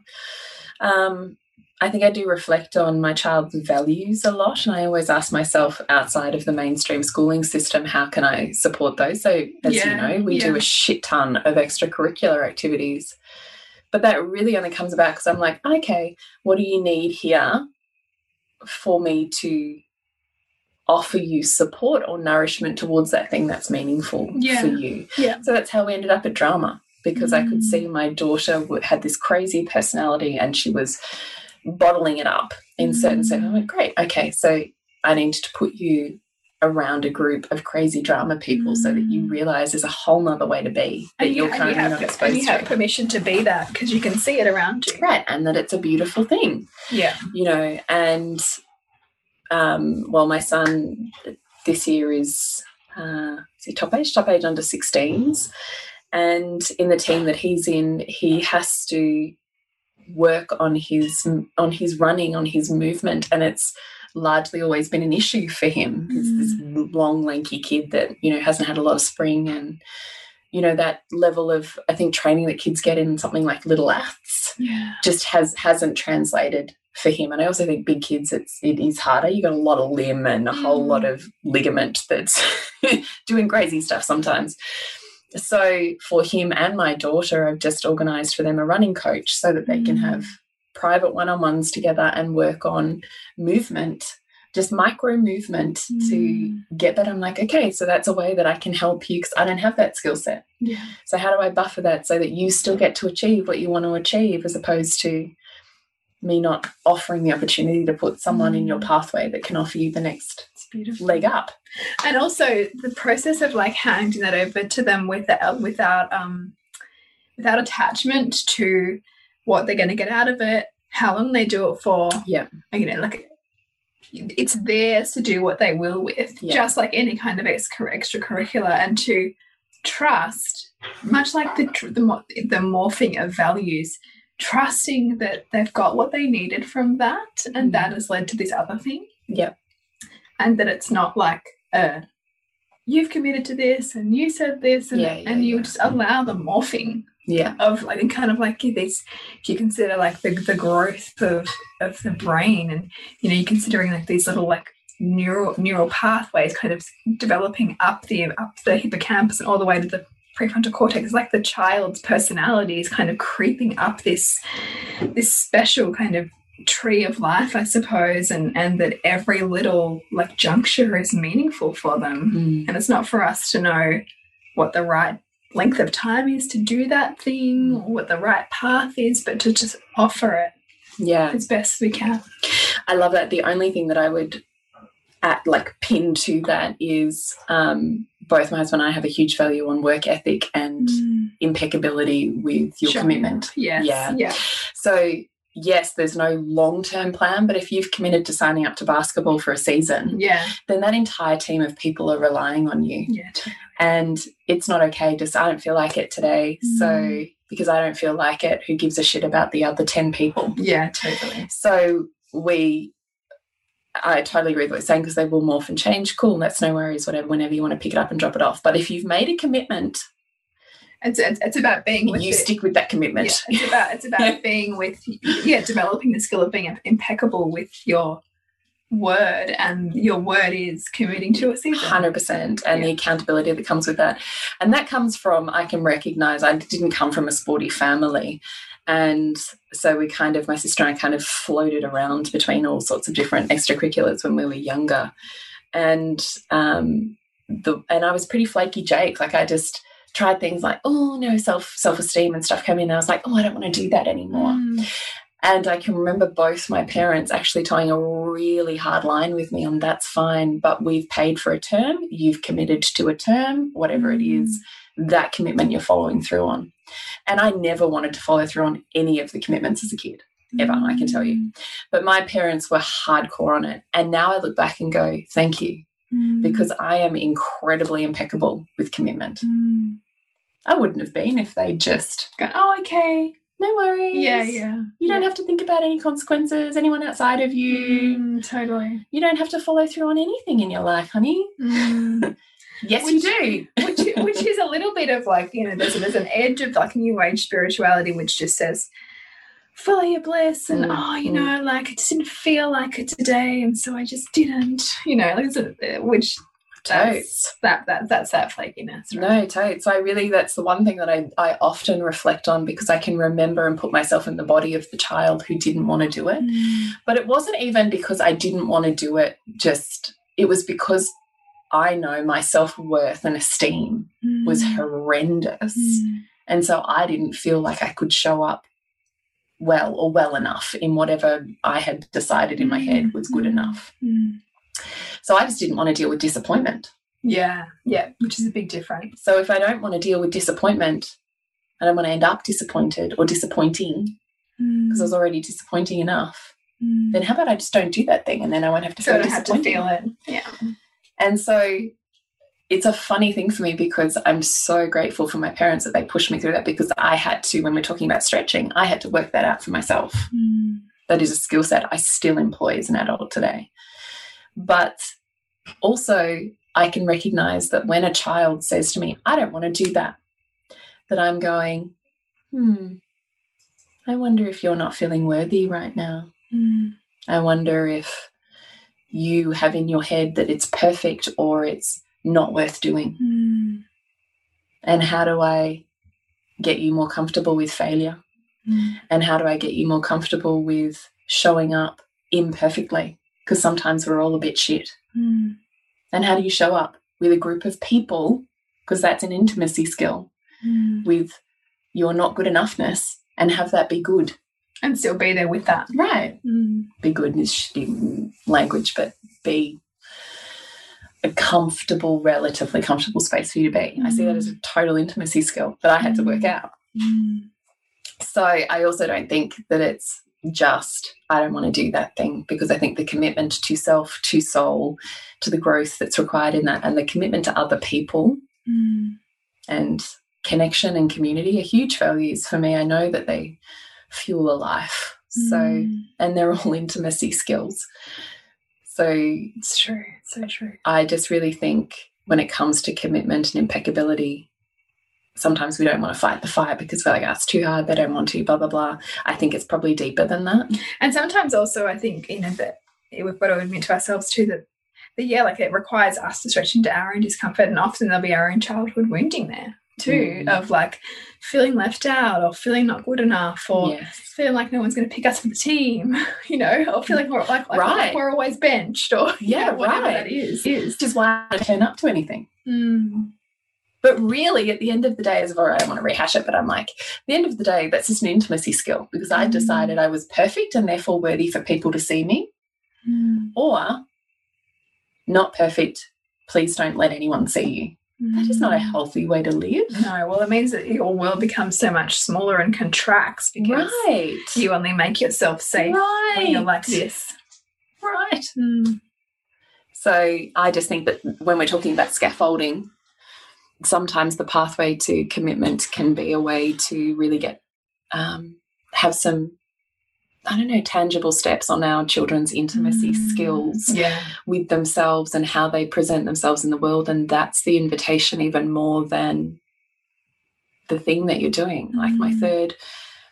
Who who you know has a body that does not work in sport? Bless her cotton socks just loves and wants to play basketball. Mm. And she's So by great. far the worst. She's by far the worst player here in my house, worst player on the team. Mm. But she's just delighted to be there, to do a like rah rah song with her friends at the That's beginning so and at cool. half time, and to have a clap. You know, if she happens to do, you know, something like an amazing defensive move, Mm. move on the court or something, and that's what she turns up for. Mm. So who gives a shit if it's basketball or it's I it's, don't know. It's, it's the process. Right. It's the process of showing up. It's a process of showing up, of learning who you are, even when you're imperfect, of Mm. contributing to a team, of teamwork, of communicating, of finding your voice. Like so many skills. Mm. So, and we have the discussion with her. You want to play basketball again? Yes, I do. Okay, you know it's a whole term, it's a whole season. Yes, I do. You know we've got to get up even when you don't want to go. Sometimes that's Mm. going to mean you miss out on screen time. Yeah. or you know because we have allotted times for screen time and often if it's a morning game it's going to clash with Yeah. those screen times so you might miss out on screen time do you want it badly enough that you want to do that Mm. yes i do okay cool Mm. let's do that so i mean that was a bit of a waffle but i do think um commitment is important Mm. Then the last point that we have for the three keys to your family growth visioning is what is your vision for your family as a Mm. whole and for each family member for by the end of 2021 like if you think ahead and you go you know what this year i would love to dedicate this to this person i would love for them to experience this what would that be Mm. what would that be? So I think that that is a really beautiful thing to recognize and reconcile what your vision is for your family for the next 12 months and what your vision is or what your, um, it's like having an intention word that you're continuously coming back to and aligning your actions, thoughts, processes, money to Mm. that's towards that particular vision. So yeah, I love that. I really think that's a beautiful invitation to. And I actually don't, if I hadn't have done this or started this two years ago for Lola, there's no way I would be doing the diagnosis pathway that we have been. Like if I hadn't taken stock and gone, you know what, this isn't working and I'm sick of the bullshit, Mm. I'm going to put in place by the end of this year, I want to know a diagnosis. Of course, that didn't happen. It's a continuation of process Mm. but it's a process. And this year again, I'm like, I, I need to get to the bottom of this, and we need to have a, a clear set of structures put in place for you. Mm. If I hadn't started that, it wouldn't have happened. The education system wasn't doing it. Yeah, yeah. She would have just been. Yeah, no other family member, my husband included, was doing it because I, it was like I was the crazy mother. I'm the only one that could see this Mm. or perceived until there was scientific evidence. And I was like, yeah, I know. I know. yeah. So having a vision for your family and each family member, I think is really important. Like if you could focus one thing for them, if you could wish and want and hope and desire an area of growth for each of them and for your family as a whole, what would you like to dedicate 2021 to? Mm. And how do you continuously return to that word or that vision when you're feeling, you know, wayward or Mm. making a decision? Have you chosen a word for the year? No, because I haven't done our process yet. Okay. And I really like I want to do the ceremony tomorrow and then which I know for you guys has already happened when this podcast comes out. I like to follow our process. Yes. but and um, so I wanted to do the ceremony, say goodbye to last year. And then I wanted to work through the workbook because I do Mm. I do think it's really good. Mm. I Oh, mean, me too. The reason we created it is because you and I do it. Yeah. So I know. I, I look back at my one from last year and I go, oh gosh, funny that family connection and fun had to happen in lockdown for how many months we were in lockdown for. that is funny. Mm. Have you achieved like have you like done a tick the box tick off from your last year's manifesting? Yeah, I looked at mine wasn't pulled down to single like outcomes. Mine was more subject areas and moving towards outcomes within each of them. So yes, there's there's not an area that I haven't fulfilled. Like they're all fulfilled. Like if I look at like and I even remember like you, me and Amelia actually when we caught up the end of last year. No, end of 2019, and we talked about like we were, we were in this Mm, process, and I mm. was like, I definitely want greater intimacy with my husband and that was a really conscious one and like that's just been like exponential which has been amazing Mm. um yeah like there's not really an area the only one that i'm that i'm really like holding my feet to the fire with is my is career now which really wasn't something that i had on my list last year So that makes sense then. doesn't it? yeah it does yeah mm, That's so cool. it is cool No, I was really specific to the point where it was even like a dark Kia Carnival, da da da da da. Ah, yeah. right, like, I was like that specific. yeah There's only one that hasn't come true for me in my list from last year. Mm. New York Times bestselling author. I don't even know if that's. Is that, is that what you use to pull yourself through, Yeah, it is. like through the heartache Yeah, of is. like rewriting It's, it, it sits on my wall. Yeah. Mm. yeah. If not now, when? Right? There. Who knows? I'm still going to keep it on there. Mm. Like, I don't even really care about the best selling thing. It's just, I'm such a book fiend that the like, pinnacle like of that. pinnacle. Yeah, the pinnacle of that seems like the New York Times best-selling, you know, blah blah blah. And I kind of looked into it, and you can buy your way into it. Did you know that? I didn't know you could buy it. Oh yeah, yeah, yeah, for 150 to 250 thousand US. Oh, there must be a lot of people that that's how a lot of them have got that title then. I mean, I have no idea. I mean, the other way is you already have a certain record of, you know. Anyway, there's a whole other pathways. I will not be paying a house deposit. and it may never happen, and I'm okay with that. But I want to still plant the seed for it. Mm. Because if not that, what else, right? Yeah. Where else does it land? If you shoot for the moon, would you end up on a star? Yeah. Yeah. I love that. I love that saying. So Mm. um, I think it's worth being specific. And I love that you can just tick the tick. Wow, tick. Oh, ha, I'm Tick. being, I'm being specific this year. so good. I think even I'm trying to think what else I had on there. Car, financial goals, uh, book. I can't even remember now. Such a good feeling just to tick, tick, tick. though. Yeah. So Matt definitely. and it keeps you focused again it keeps you like it keeps you aware of your habitual patterns that lead you not to those things and Mm. how to take the action to lead to those things yeah. Mm. Yeah. I also don't think I've taken the action to lead to being a New York Times bestselling author. So that could be a Mm. flaw in my planning. but that's a- it right reflecting and feedback yeah, it is. This podcast is brought to you by Honey Club and Reimagining Motherhood. Your spaces for intimacy and feminine embodiment, and conscious parenting and inspiring motherhood. Come join us at julietenner.love and bridgetwood.life.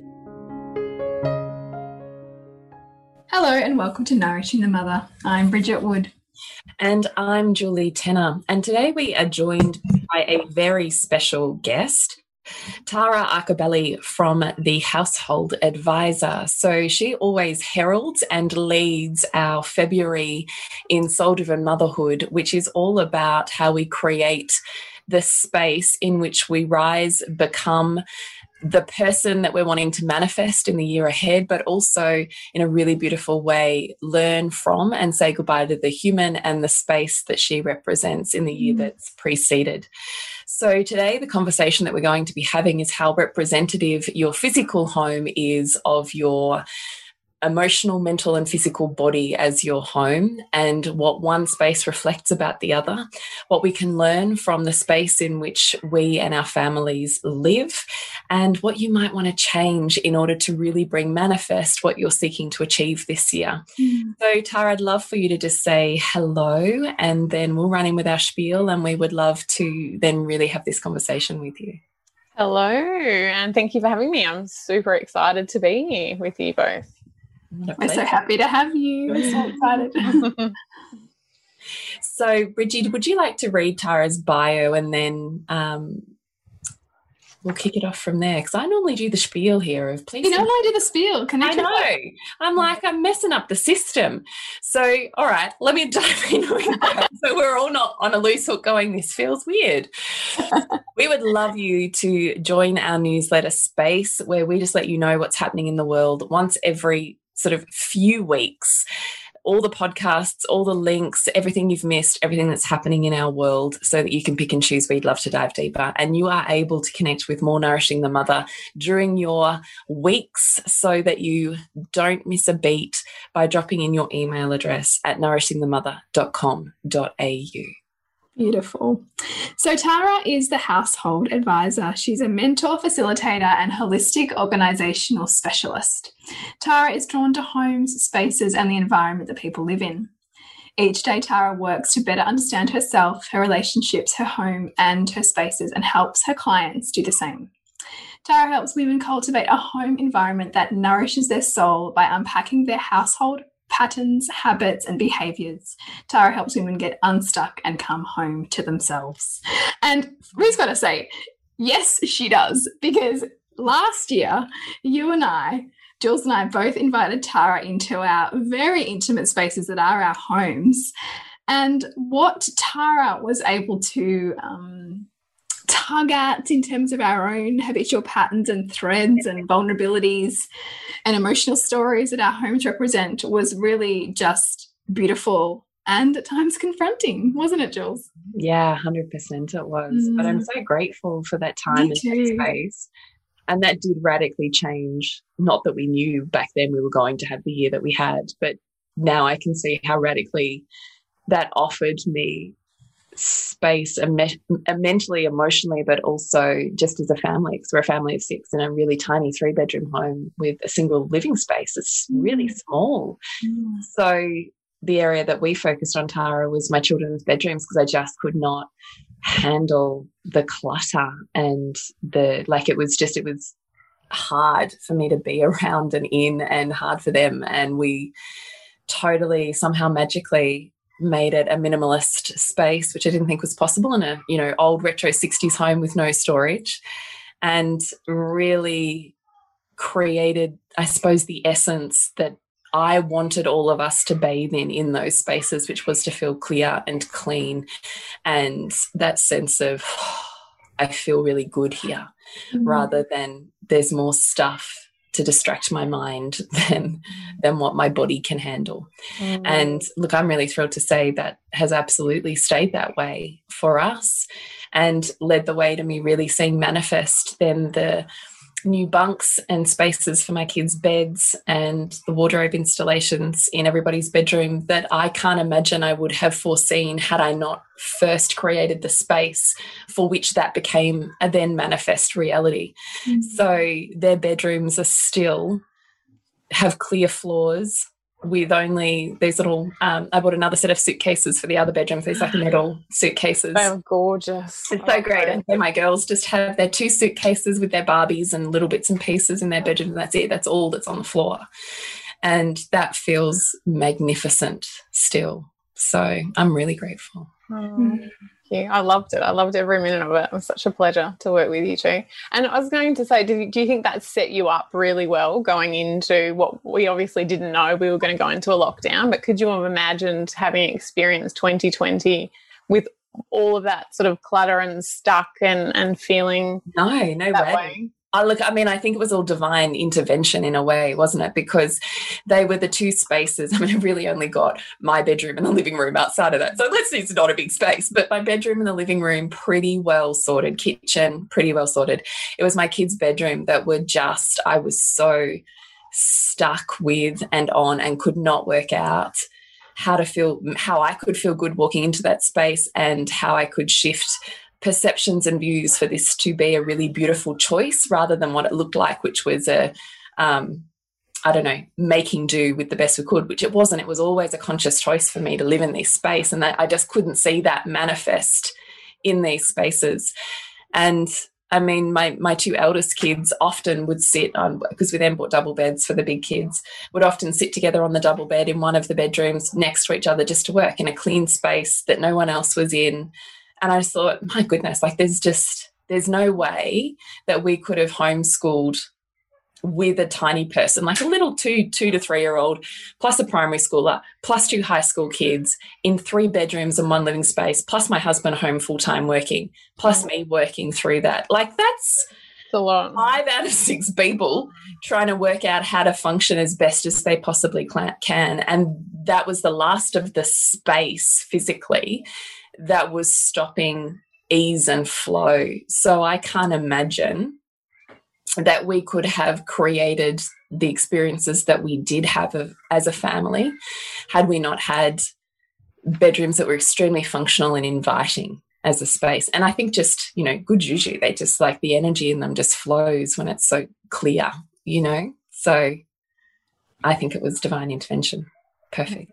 Good timing. Mm-hmm. How did you go, Bridget? What did you think? How did you go with your offer? Oh, so so good. I mean, the the office it was a funny one. There's a lot of um, resistance for me with the office and a lot of like distraction, and I was finding it hard. I mean, even uh, you can see like even in the videos that are in Soul Driven Motherhood that um, that's trying to showcase the transformation. I can even see it in the way I was holding my body, like just in kind of the heaviness of, of sorting through my office, because for me it was a representation of like so much half finished stuff or, you know, so many notebooks and so much books and so much learning that that that felt a little dense for me. And um and having you in there and having your perspective as we were going through it all was just so powerful because I got I got to see myself differently, mm. and I got to understand um, my habits in a new way, which has really informed how I view that space. And I'm still working through it.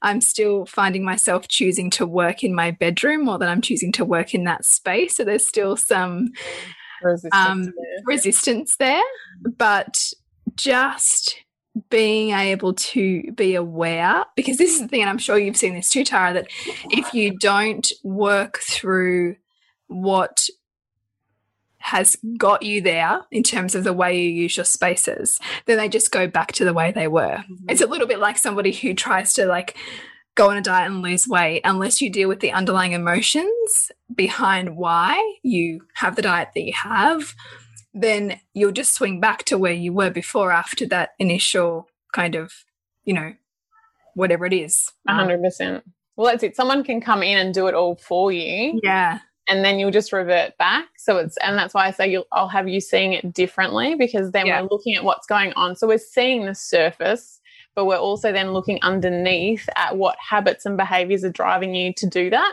Mm. not make those decisions or to make those types of decisions or to avoid.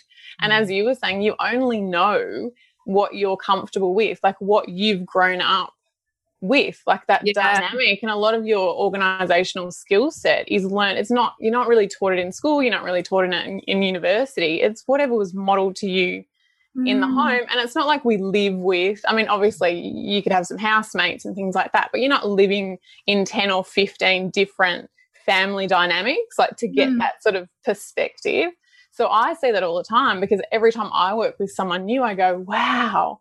So there's another way to do this. And oh, there's another way to do this. And I like that. And they do that better. And it's really, really fascinating. But it, you're right, mm-hmm. it's all the habits and behaviors and, and the neural pathways and everything that you've learned and had role like role model to you. And then whatever you've picked up, you're then role modeling to the Just next children. generation. Yeah. So it's it's that beauty of that awareness of saying, okay, I really like this about my childhood home and I'm going to continue that and teach it to my children. And there's a few things here that I wish, like, how can I do those sort of differently? And I mm. often then find too, when you go into a home, it's those areas and those rooms that are telling you where that work is. Yeah. But unless you're really sitting with it and having someone sort of help you and sort of facilitate you through it, because you don't know any different, it's very hard mm. to see it. And like, even for me, I found in 2020, the gift of lockdown is that I can see most of my stuff, but there's still some that I can't. But lockdown was a totally different experience. Like, we'd never been there. Like, I'd never seen my house play that sort of role, that intense role. So it had me looking at my spaces at a different level as well and going, oh, there's more here. Like this mm. is a one-stop shop. This has become like our bubble. I need we've got two businesses running here, we've got a kinder running, we've got a school running. Like it, it has to play a different purpose. So mm. what do I like what do I need to to change here? So I too, like I've sort of been through it. I sort of went through it with you and I went through it with some clients and then I feel like I did the best like deep dive because I feel like your home is one of the best training grounds because you can do it and you can do it within that home and what you learn from that you can then take kind of out and into your to your life because it's almost like different rooms of the house are different areas of life as well mm. I feel so can you yeah. can you expand on that a little? And like, what do you mean by that when you say different homes or different, almost like different areas of your well, life? different depending on like people will have certain rooms that are harder than others. So when we looked at you and your sort of your office, and I see that as being sort of that career and and business um, area. So if you're sort of stuck, or sometimes it can be financial as mm. well. So you could be sort of stuck there. If it's, you know, um, sometimes like um, the kitchen, it can sometimes be about um, like food and and even entertaining and the social aspect and even like the the playroom. Like that was a big one for us. We had a, a sort of a big playroom, but I I opened it right up um, during lockdown because it was driving me crazy. But I was in that transition of my daughter being in kinder, sort of coming out of that toddler mm. phase and and like getting rid of baby gates and things like that. So as I did that, like everyone would be like, "Oh, that's quite simple," but the emotion for me was like. Oh, are we not going back? Like, are we not having another child? Like, does this, is this the next part of my life? And I feel like I had to clear that in order to be like, okay, we're through that. I'm, I'm, I'm closing that door and I'm sort of moving on. And, and for me, this year is our, um, my husband's office. Because as, as you were saying, I've been working from kind of all over the house all of the mm-hmm. last year, like wherever everyone was home. So like the kids have their own beautiful school desk and school station, and you know, my husband's got his area, but I was kind of just all over the house. And this year I'm like, no, I'm ready to take up space. I'm ready to dive into this. So now I need to create a space for me that's inspiring and and nourishing and bringing in all those words that I've pinpointed for myself um, this year. And I need to then create that to help sort of drive and facilitate my creativity and, and where my business is going to go. So there's lots of, you know, laundry, there are all sorts of um, different dynamics going on. And two, depending on what your sort of generational patterning is and the stories that you're carrying. Um, but there's always sort of lots of common themes and things like that when I go into to houses and, and I'll often be able to say, oh, so what's where you sort of stuck? Oh, that's quite representative of, of those piles. Because often, as I say, um, piles are just unmade decisions. So in those areas of your life where you've kind of you're not making those mm-hmm. decisions, mm. is that resistance? So it's represented in your stuff, but it's also representative of like it's your life. It's being, yeah, reflected back. So as I said during lockdown, I really had to sit there and be like, okay, so what can I, what, what are my spaces going to, to teach me? And we were pretty well set up in terms of I had the house quite. It wasn't a huge change because we both worked from home and the children are home quite a lot. Um, but it was still kind of a deep dive into what's the next step um, on the other side of, of this and how can I make that sort of more comfortable and how can I make us all sort of thrive? So then bringing the kids in, like what do the kids need on top of, okay, so my husband's needs, what are my needs? What does my son need for school? And then what does my daughter need for kinder? And then making all of our rooms and every, like literally every square inch of our home um, fit that and I think I feel like we did quite a good job of it. I, I must comment on that in terms of how do I make this space work for my kids because this can be the kind of thing that can the kids can easily be forgotten, right? The kid the kids can be like you know not really considered amongst the desire to sort the home, but yet I know with Jules and also with with with me and with my kids, you came in and spent time observing them and really understanding what was important to them so that any change that was made was done collaboratively so that that also made it sustainable and it made it something that they could contribute to and feel respected in and that is also where i think we've got longevity with the changes that you've made because you um, came in and helped Hugo set up a space for his Lego, which he still uses. And you helped organize all of our cupboards and Sylvie's craft, which she still uses and knows where to find everything and helps organize. And so, because they were able to co create those new spaces and felt empowered in doing that, that's also made it far ease far, far more easeful for me and my husband to be able to continue with that because they're part of that not just um, kind of you know brought along absent-mindedly you know correct and i think it's important because there's so much of an like you're imprinting all the time on them so you want mm -hmm. them to be contributing and co-creating with you and even yesterday um, I was writing down some notes for our chat, and, and Luca came down. He's seven, and and sat down next to me, and we had a really long quite conversation about what you know what was the experience for you, and and what would you say about our spaces, and what did you learn about our spaces? Like I ran through sort of all the questions I'd been talking to you about mm. to get a really good perspective because I worked with both of them, like to really. Um, because they're at such different stages with Eva being in three year old kinder and, and Luca being in grade one, like there's quite the age gap. So I had to facilitate an environment where she could explore. And hers became because we could only go for a walk around the block. That was at one point all we could do. She loved nature and flowers.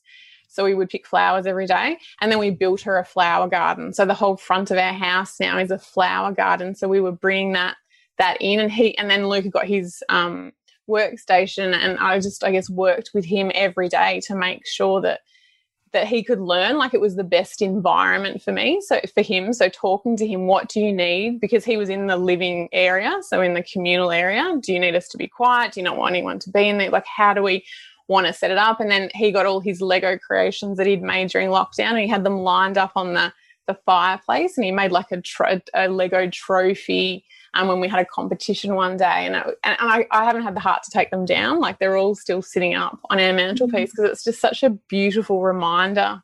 Mm. Um, of that time. And, and he said to me yesterday when I asked him, he said, Oh, well, most people think being at home is really boring. But if I learned anything last year, it's that there's so much to do at home. There's just so many ways to entertain ourselves. We've just got to look We've just got to oh. kind of look outside that, you know, people just think that you just go home and you should watch screens. But he's like, there's just, you know, so there's so much. Like we, we have a pool and obviously in the middle of winter it's freezing, but the kids were doing leaf races and we were fishing and just getting really creative with what we we had um, and then too, I think looking a lot at, at, then regulation. So, and I remember Julie and you swing in your living room, and we have a swing in our backyard.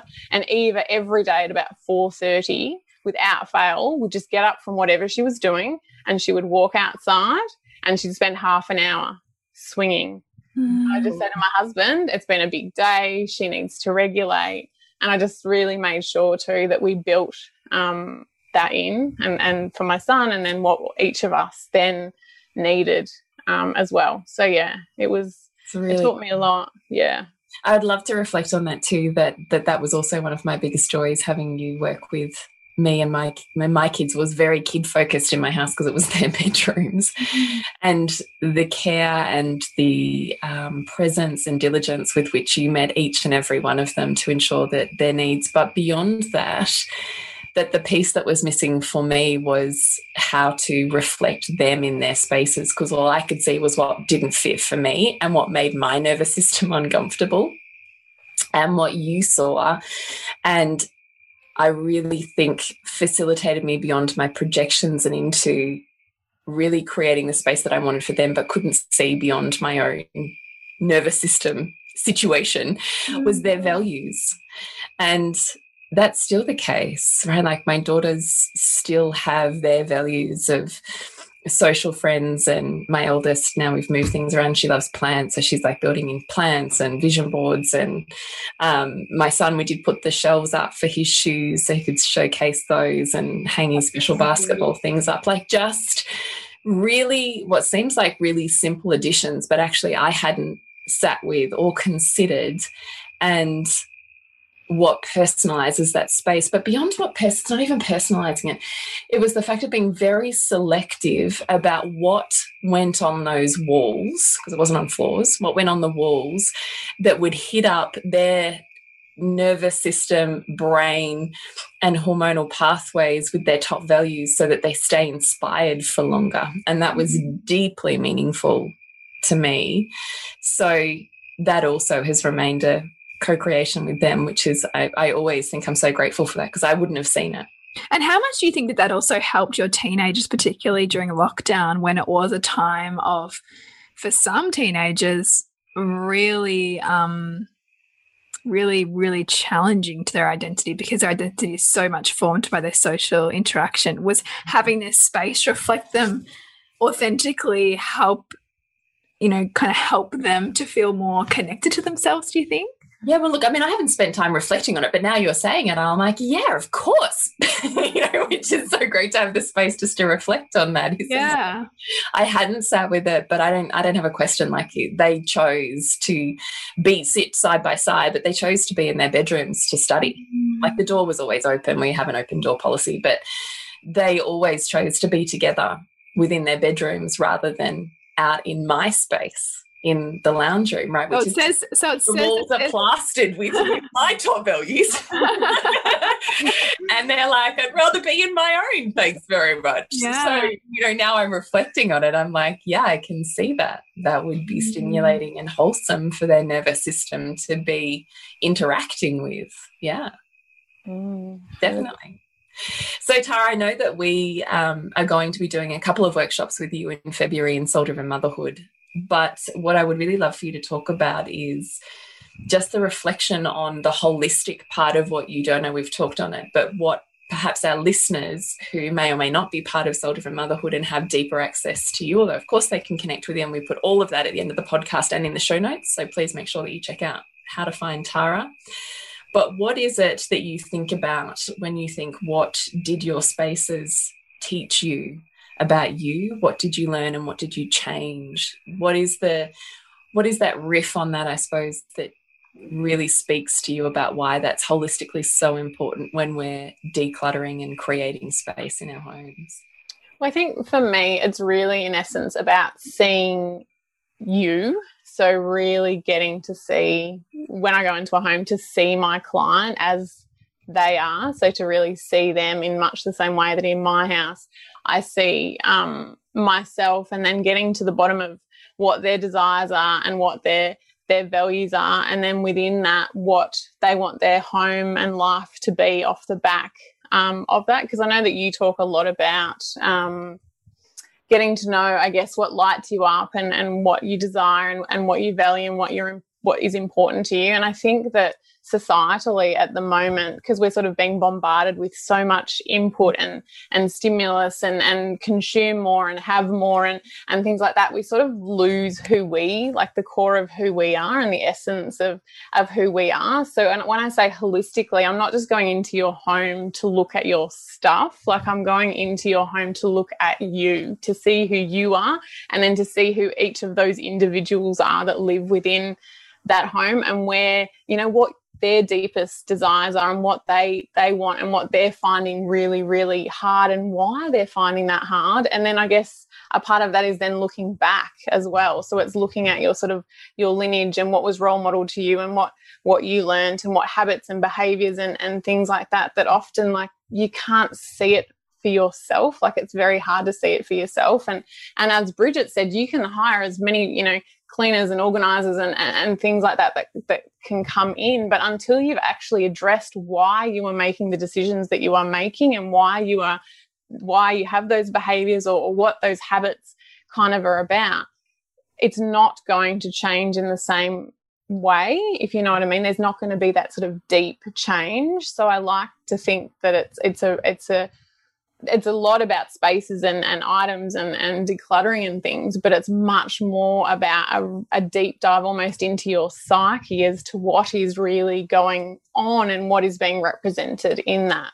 So it's going in and seeing you, it's feeling your energy, it's feeling those those spaces because I'm a very deep um, I'm a deep thinker, but I'm a very deep sort of feeler and I can go in and, and just sort of sit sit with in much as I was saying with your children and just sit there and be like, what lights them up? What's important to them? Because we all want to live in a beautiful, like a sanctuary that that is building us up. Because I feel like the outside world so much of the time is tearing us down. I'm not necessarily tearing us down, but it's telling us be this way or do that or buy if you buy that or if you have that or if you look this way or but at the end of the day, we just want to be seen for who we are and loved for who we are and loved for all our quirks and, and what makes us unique. And I think there's, there's such a relationship between that and your home. And, and I feel like, too, in, in 2020, for a lot, like that was an opportunity for people to really dive in and sit with themselves because we didn't have the distractions. We didn't we couldn't you know because uh, you know we could be basically busy and stimulated 24 hours a day seven days a week every day of our lives. Um, whereas mm. this was a beautiful opportunity to be like okay does this feel good? Like is this environment that i am bathing in 24 hours a day feeling really good for me or is it not? And if it's not let's not like let's do something about it. Like let's sit there. And, I, and i've had to sit it I had to sit with myself. There were things too that I didn't like that I've had to really grow through and work through and and it was like it was brutal. Like some of those times, like the first lot of lockdown, not so bad. Second time in was really painful. Like every day, like I, have just got to keep getting up and keep doing this and kind of keep facing. But as I said to you, when I, we cleared our playroom space, I was just like, what do I need to change? I need more space. I need more light. I need to feel like there's more flow. I need less stimulation. And particularly with the kids learning, less the less stuff in your spaces, the less sort of overstimulated you mm-hmm. become. And I was like, so what am I going to do? And, and a couple of times my husband turned to me and he said to me, What would you say to your clients? Do it. Don't complain about it. Just do, like he just call me out on it. Like and I love that he's you say that because even though this is your area of expertise, you're still facing the same stuff because yeah. you're still human. Hundred percent, hundred percent. And he he because I have to do it to him, so he will very much do it to me. And I'll say to him, "What am I not seeing?" Mm. What am I not saying? And we do come from very polar opposites, so very different. And I just think that is the greatest blessing almost there because sometimes you'll say something and I'll be like, what? Like you, oh, I just, I can't even imagine that you would have done it that way or that you'd have a space like that or that your mum would have, do you know what I mean? Like it's just so different. And I guess too, like when you're in those spaces 24 hours a day and then you have two children as well with a bit of an input. Like my son's now old enough to, you know, my daughter does a little bit, she's four, but my seven year old or seven and a half now is very happy to start turning it back on me. So all the things that I'm saying to him. Um, and in particular, too, with my daughter, I started to notice that she was, I was getting frustrated with her. Like she was leaving things around and losing things. Like she'd always be coming to me, oh, I've lost this, I've lost that. And I'm thinking, I'm an organizational specialist. Like, how are you, like, how are you losing this stuff? Or, like, what's going on here?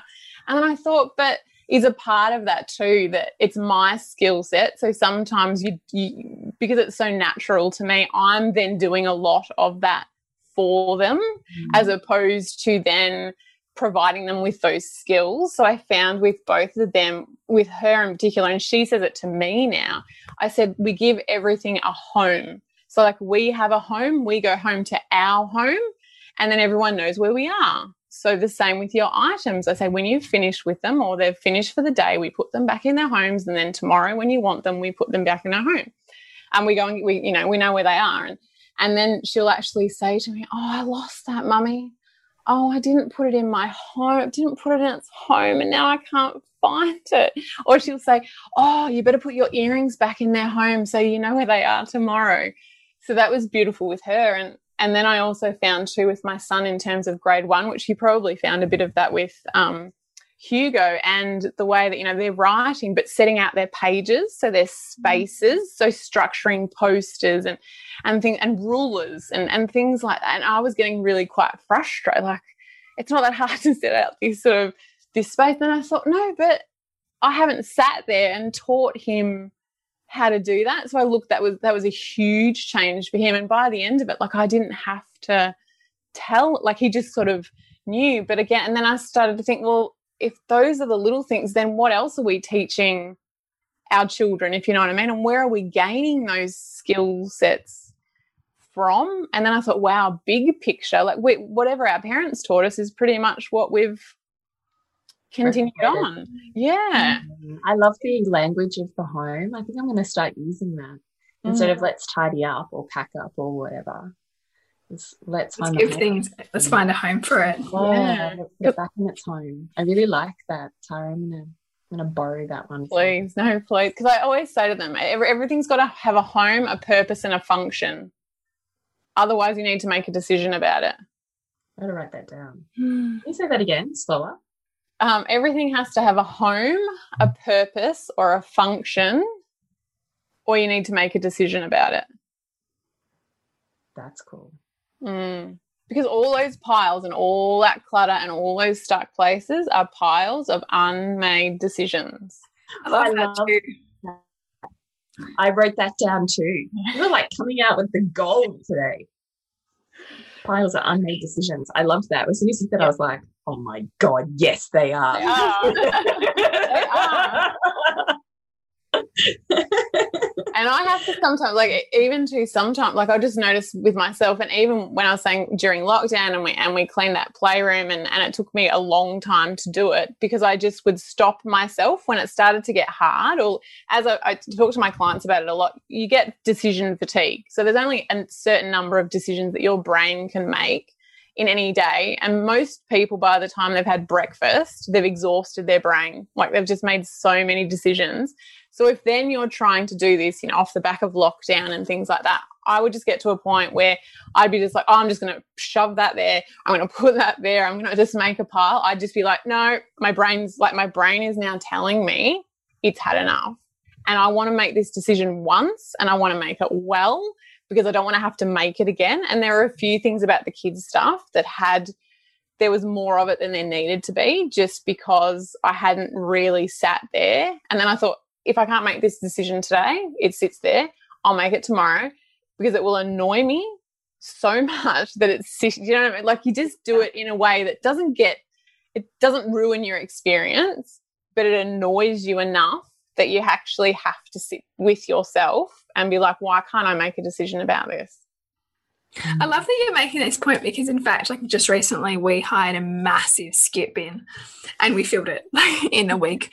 And but the amount of like the exhaustion that Yeah. I felt mentally from going through our whole house and sheds and clearing stuff, it was intense. And I was and I was like, I haven't actually really done anything, but the weight of like this stuff and the decision making feels really heavy. And it's because it's of all the stories that everything carries. And then also that decision making thing. Absolutely. And I think certainly working with you meant that my husband and I were both extremely ruthless. Between working with you and like, you know, doing the KonMari thing a number of times, it was so refreshing this time around to just be far more um, discerning Mm. rather than, oh, maybe, you know, and just it, again being a pile of unmade decisions that, that hide in pockets of the home and the shed, right? Hundred percent, and it's a no. Like if that's if you you're unsure, I always say it's a no, and I always say I look at something and I go, okay, what am I feeling? Because there's so much about the work that I do in the home. What am I feeling here? Stop. Like the minute that your brain then kicks in, it's going to override it, and it's going to start mm-hmm. saying, oh, but that cost me fifty dollars, and what if in three weeks I need it? And no, like, what's your gut? Like, what is that that reaction? do I love it? Do I value it? Is it a part of the life that I envision for myself? Yes, no, get rid of like get rid of it and be really ruthless. But you need to be like in the sort of mind set to be able to do that. Like you don't want to be doing it. Um, I don't know, you've had the worst week, the, the busiest week ever. And then on that Saturday morning, you decide to get up and sort of do it. Like you've got to be quite um, intentional in about how you do it. So when I did our playroom space, I waited till the end of term and then I knew I had two weeks with those school break and I knew that no one was visiting because no one was allowed to visit.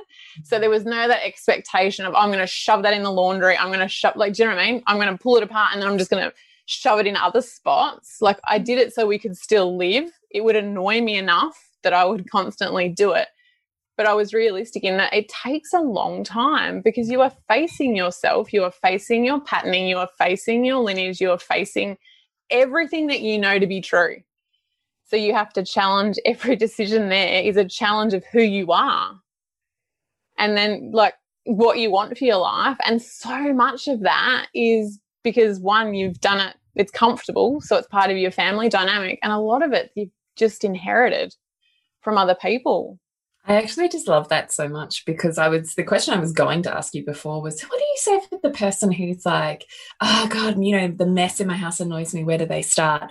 But you just actually answered it already, like it was intuitively in those questions just then. And now my mind's gone blank. But I love the idea of is this part of the life I envisioned envisioned, why can't I say that? Envisioned for myself or not and making decisions from there. I just adore that. I even was just, I've just done the rounds on a few of the cupboards and I was cleaning out our games cupboard. And as you're saying that, I'm like, yes, that's true. Because even as I'm picking up the old boxes of shitty ass um, puzzles that my mum's given me from the op shop or something, because she loves a puzzle, you know, it's part of our family heritage. And I'm like, don't have the space for it we don't really have the time for these enormous puzzles that get to stay out forever and a day. And I don't even know if this piece is missing from this, but there's this part of me that's like, you should hold on to that. You should have time for that. You shouldn't throw it out. It's still really good. It's good enough. Where could you put that? Your mum would be really sad if you threw that out. And even as I'm going, mm. nah, it's actually, it's not a truth for me. Not part of, nah, mm -mm but I can see those bits sticking over. So as you were saying that, mm. I was sitting with, oh yeah, in the games cupboard. I have to face myself. it's everywhere. Every pretty much every item. well, every item you bring into your home is a decision you've made. And then you have to live with was that a good decision? And then I also think that every item that you have takes up space. So it's taking up space, it's it's influencing the energy and the flow within the home. You need to look after it. You need to maintain it. There's an enormous cost. It, clean it. There's a hu huge cost. Huge, huge. And now too, and I don't like to say this, but when my clients say, "Oh, but what if it's a mistake? And what if I need it?" Well, you know, a long time ago, we didn't have, you know, Kmart and Aldi and and mm. things like. Do you know what I mean? Like, if you do make a mistake, I'm not saying throw out. You know, there's lots of things that we need to look at you know, there's your treasured items and things like that we're a lot more careful about. But there's a lot of items in that home that you could go to get from Kmart in a pinch that you, yeah, that you would have, you, you know, it, it's not a problem. So yeah, that's sort of how you you need to kind of keep that in the back of your mind. Do you have a do you have a process that you apply when you're thinking about or talking to your kids about buying things? Because there actually is like an enormous amount of discernment that we should really be showing, almost like with a minimalistic kind of edge to it around like what comes in, because everything that comes in, it's not just doesn't just come in effortlessly. It then needs to be at some point disposed of, stored. You know, like there's a lot of like it's yeah. it's big, it it's weighty. It is, and I and I was saying when I went through our playroom, like my husband said, "Oh, you're generally pretty good," but he goes, "I think when we had children, you might have just lost your perspective a little bit there, like because there's just so much. If you get inundated with you, you need to have this thing and that thing, and I look back now, and I think, oh, three quarters of the stuff that we had, we didn't probably um, need, and and in in that process, like I sat with the kids for hours and hours, and we went through it, and they see me do it all the time, and sometimes I think they think I'm going to throw everything out and I don't, I don't. But that's also helped in when we do consume and when things come in, like to say to them, do you value it? You see that it takes up space. you see that you've got to give it a home if there's nowhere to put it like if you don't have if you can't envision a, a home for it then what are you going to give up in order to bring that In. that in? Yeah. Because i'm yeah very particular and we only have certain sort of spaces within um the home. I don't like lots of things on the floor. The kids have their toy boxes um, and everything else is sort of um, montessori open so on shelving and things. But as it starts to overflow that they go, oh, oh mummy, mummy, mummy, what's mummy going to throw out today? and like, I'm not going to throw it out. But and then I also talk about who who could, um, you know, a couple of years ago, who could have, you know, you could have benefited from this because someone else was letting go of it. So if we let go of this, do you know? Do you, do we have any friends? Do we have any neighbours? Can we take it to the op shop? Does the school need it? Um, and things like that Mm. as well. So it's a lot of talking to them. Um, about, about consuming. Yeah. that's right. And it all, again, it depends on a lot of that too, will be your patterning. So it will also depend on what they're exposed to and what you've grown up with. And, and sometimes you really have to kind of check yourself with a lot of, of that. Like I have to think, oh, why am I, like why is that okay? Or what my husband thinks that's quite different to me and and kind of all i guess working together. Because everyone like that dynamic is always changing and you're pushing everyone's buttons and it's yeah it's really interesting and Amazing that imprint, isn't it? Because even today, like we went to the shops and my son walked into like this game shop and he immediately like had to have this thing and he was like, Mom, mom I promise I'll pay you back. I just I just really want this. And he's talking at 100 miles an hour. And I could hear the emotion in his voice and I could feel the desperation in his body. And I said, Hugo, do you notice your voice right now? Do you notice how like your emotions are really strong and you just have this need that you have to have it? That means we're going to not get it right now. And we're going to take a couple of days and you can think about it and then you can bring your wallet back if it's what you really want. Because I don't think that this is a true decision for you right now. I think you've seen it and you want it and you just feel like you have to have it. But that's not the place to make a decision from. And it was really interesting because the same can be true of like our thing, the emotions that we kind of hold on to and get attached to about things in our home. To mm-hmm. apply that even before it comes into the home is actually like far more empowering for both us and our kids. Mm, and I say that to my son all the time. I said, "Well, why do you want that? Because because it's going to make me happy. I feel excited. I feel good." And and then I can see like I'll put, I'll stop him and he'll roll his eyes like, "Oh, here we go.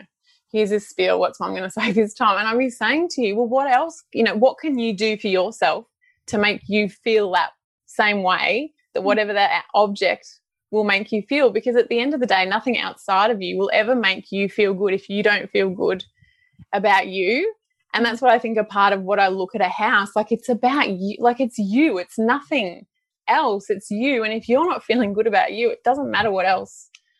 You know, you have that's the work, like that's kind mm-hmm. of the work there. But then, too, I have to sometimes be like, well, you know, they're still kids and they're still going to want things. And, you know, he's only Yeah. seven. Yeah. So, you know, my husband would be like, oh, come on. Does every, like, do we have to go so deep all the time? on all of this? Like, can't he just have that? And I was just like, okay, because you know what, at the end of the day, that's just really nice and warm and fuzzy and that makes you feel good. So sometimes it's, Yeah, it's a balance, it's the- right? yeah, the balance of that, but really trying to instill that into them and then think like, where am I going with that? Like, what path am I going down? Like, why am I, why am I thinking that?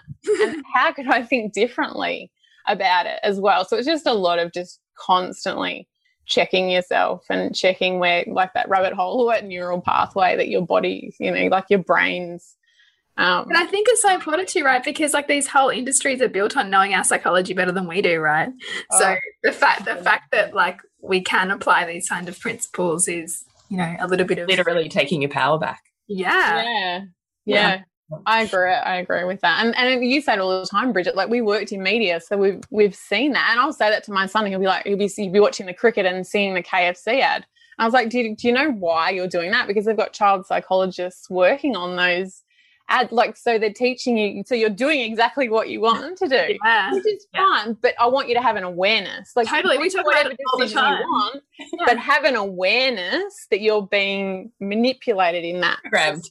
Yeah. way. Yeah, One yeah. of my husband's good friends, who's a very fancy advertiser, didn't like it when I said that to him. What, did, what did you say to him? What was what did you say? So how do you feel about the fact that your children are being programmed and you're literally creating that? Not sure why he didn't like that. Ouch. I know. I then watched him go, Well, they're not being programmed. I was like, Julie, leave it alone. The urge to go back. I went, Oh, okay. What do you think it is? Like, anyway, we're off topic. I would love to bring us back around just by summing up a few points and saying, Tara, if there's anything that you would love to add to that. Because I always think once you've gone through a podcast like this, particularly when it's highlighting your spaces and places physically and metaphysically that feels stuck and hard, it can feel foggy and overwhelming and too hard. And you're going to want to go like, but just tell me what to do. Just tell me the one thing. And I just want to make sure we're speaking to those people and saying, just listen to this again if you need to, because there can be a real beauty in first letting it sit wherever it sits. And then, second, going back and listening with a bit more of a strategy in mind. I'm going to write down the things that I hear, the questions I want to ask myself, the ways that I want to go about this. If you're feeling like you want support and nourishment with that, then I would really, really offer you to reach out to Tara and say, actually, I really want and re recognize that I need some support in creating this manifest space within my home, knowing that that helps easefully and artfully move me into the up leveling that I'm asking myself to do. And you don't have to do it alone. Mm. Women can do hard things, but we need support in order to do that. We don't have to, and nor can we do it all. And succeed well with that. That's why we have support crews. So here's what really stood out to me, and you tell me if you would love to fill in any okay. blanks that I've missed. Go for it. So, to that woman, number one, what is going on in your home and psyche, and what does that represent to you? Number two, then when you look around your room or your home, and you recognize that piles are unmade decisions, what does that reflect to you? Where's your area of resistance or growth? And how can you more artfully step into that? When clearing out, know that everything needs a home, a purpose, or a function, or you need to make a decision, and it's okay to sit with that. And number four, Make manifest the space that liberates you. Create your sanctuary. Is it part of the vision of who you are becoming? Mm-hmm. I love that. You want yeah, no, 100%. I was just going to say, it's all about, I guess, nourishing your soul. So it's all about knowing, you know, going deep and getting to know you and, and sitting with you in those areas that are really hard. Just to sit with them and keep sitting with them and for a couple of days maybe. Like i guess really look at last year and be like well what what was really really hard? Like what is really stopping my flow? What is making my life hard? What am i complaining about? Like what is coming up constantly? And then just sit with it. And then the next day for 5 minutes longer sit with it and then make one decision. I just say just one small decision because it's practice. It's a, it's also a skill set. You know, getting organized and making decisions and changing habits and behaviors is is strengthening and and um, I guess um, I just lost my train of thought then. Um, but it's it's a skill set. So it's, so it's a mastery. And with anything, you have to start somewhere. And as you make one, you make another, and you make another, you make another, and also procrastination is just fear. Mm-hmm. So most of this is just fear. What are we scared of? Because at the end of the like if if 2020 taught us anything, you know, we have no control over anything but mm-hmm. us and, and our families. And that's what's do you know what I mean? That's what's important. So don't then have sort of materialistic items getting in the way of you and your greatness and your magnificence and you being the like the best version of of you and you will learn so much about yourself by just walking. I just say take a walk around your house. Everything that you want to know about you is in there at home. It'll take like it's all there and it's all being reflected mm. back really at you. Mm. So, Tara, we would love for you to tell us how we can connect with you and where we find you, and what sort of help and services you can offer someone who really is like, I'm ready for support to do this really hard up leveling. Sure. I have um, my website, so it's uh, thehouseholdadvisor.com. So all my offerings are on there. Um, I can also be found on Instagram and Facebook, which is the same, The Household Advisor. I have eight uh, workbooks, so they're like journal prompts in different areas, um, which is a really nice starting point for people that kind of know that they want to change, but kind of want to dip their their toe in um, the water. And, and I said that will have you really seeing your spaces differently. Some are for treasured items, some are for organizational blocks. Like they're all got sort of different themes. So depending on where you're at, um, is kind of where you can dive in there.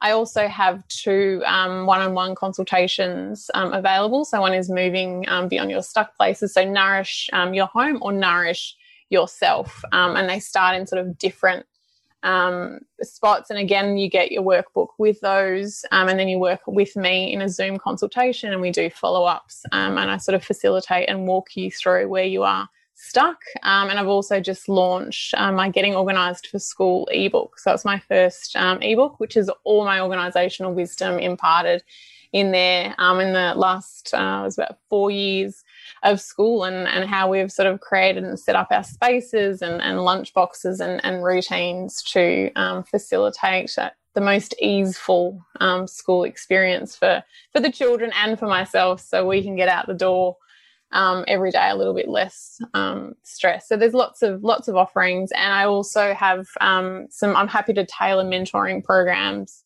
to the needs of of clients. So I've had lots of people reach out and have had uh, you know.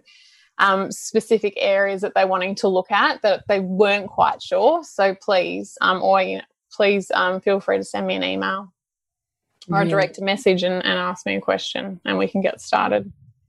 Thank you. Thank you for sharing that. And we're also lucky enough to have you coming into Soul Driven Motherhood in the month of February as well, where we're putting together a workbook with you to share with everybody in there to help work through some of those spaces. And then we are inviting the beautiful women in Soul Driven Motherhood to actually video and share with the community their own stuck places in their home. And Tara's going to pick two spaces to um, analyze and work through live with some women in the group. So we're really, really lucky to have you in there. And, and of course, like any kind of space, they're all mirrors for each other. So we're going to learn so much about our own space simply by seeing how you work with women in their spaces. 100%. I will be learning along with all of you as well. So thank you. I'm so excited. So, so excited. I love it. Every time, as I said, every time I work with someone new and go into a new home, um, I learn, yeah, I have a great time, but I also learn a lot about myself as well, which is is wonderful. Beautiful. It's amazing. Thank you. So, if you're ready to connect the dots between what you've decided you want to manifest in hopefully you've done that in your month of January and you want to bring that through into what that looks like as you stepping forwards as a woman in the world and certainly within your space, then please come and join us for Liberate with Tara in the month of February in Soul Driven Motherhood, which you can find out about at nourishingthemother.com.au or Nourishing the Mother on socials. We will have all of Tara's links, including where you can find her workbook and workbooks and services in the show notes. And of course, we'll be talking about her through the month of Feb.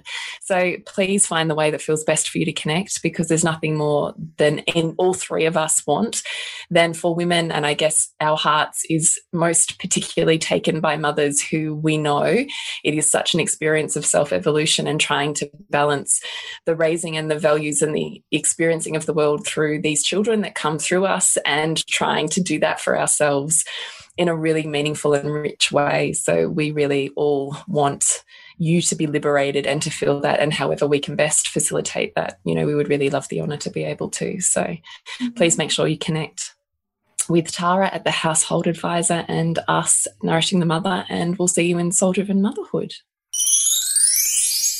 We hope you enjoyed these podcasts and you are full of inspiration and ideas for where you want to take your next year ahead. If this was something that resonated with you, we'd love you to share on socials. Let us know what landed. Let us know what you're visioning. We love to hear from our listeners.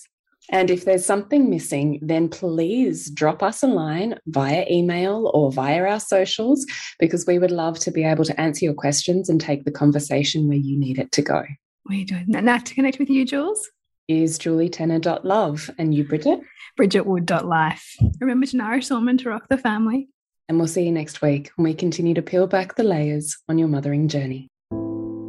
Thank you so much for listening. We literally couldn't do this without you. Please share this podcast with anyone you think it would be medicine for. If you desire to integrate your learnings practically and supportively into your life, then head on over to bridgetwood.life or julietenner.love to go deeper. And if you feel like giving back a little to this free content, please rate us on iTunes or Facebook, all of which helps the podcast reach more mamas who need this type of tonic for the soul.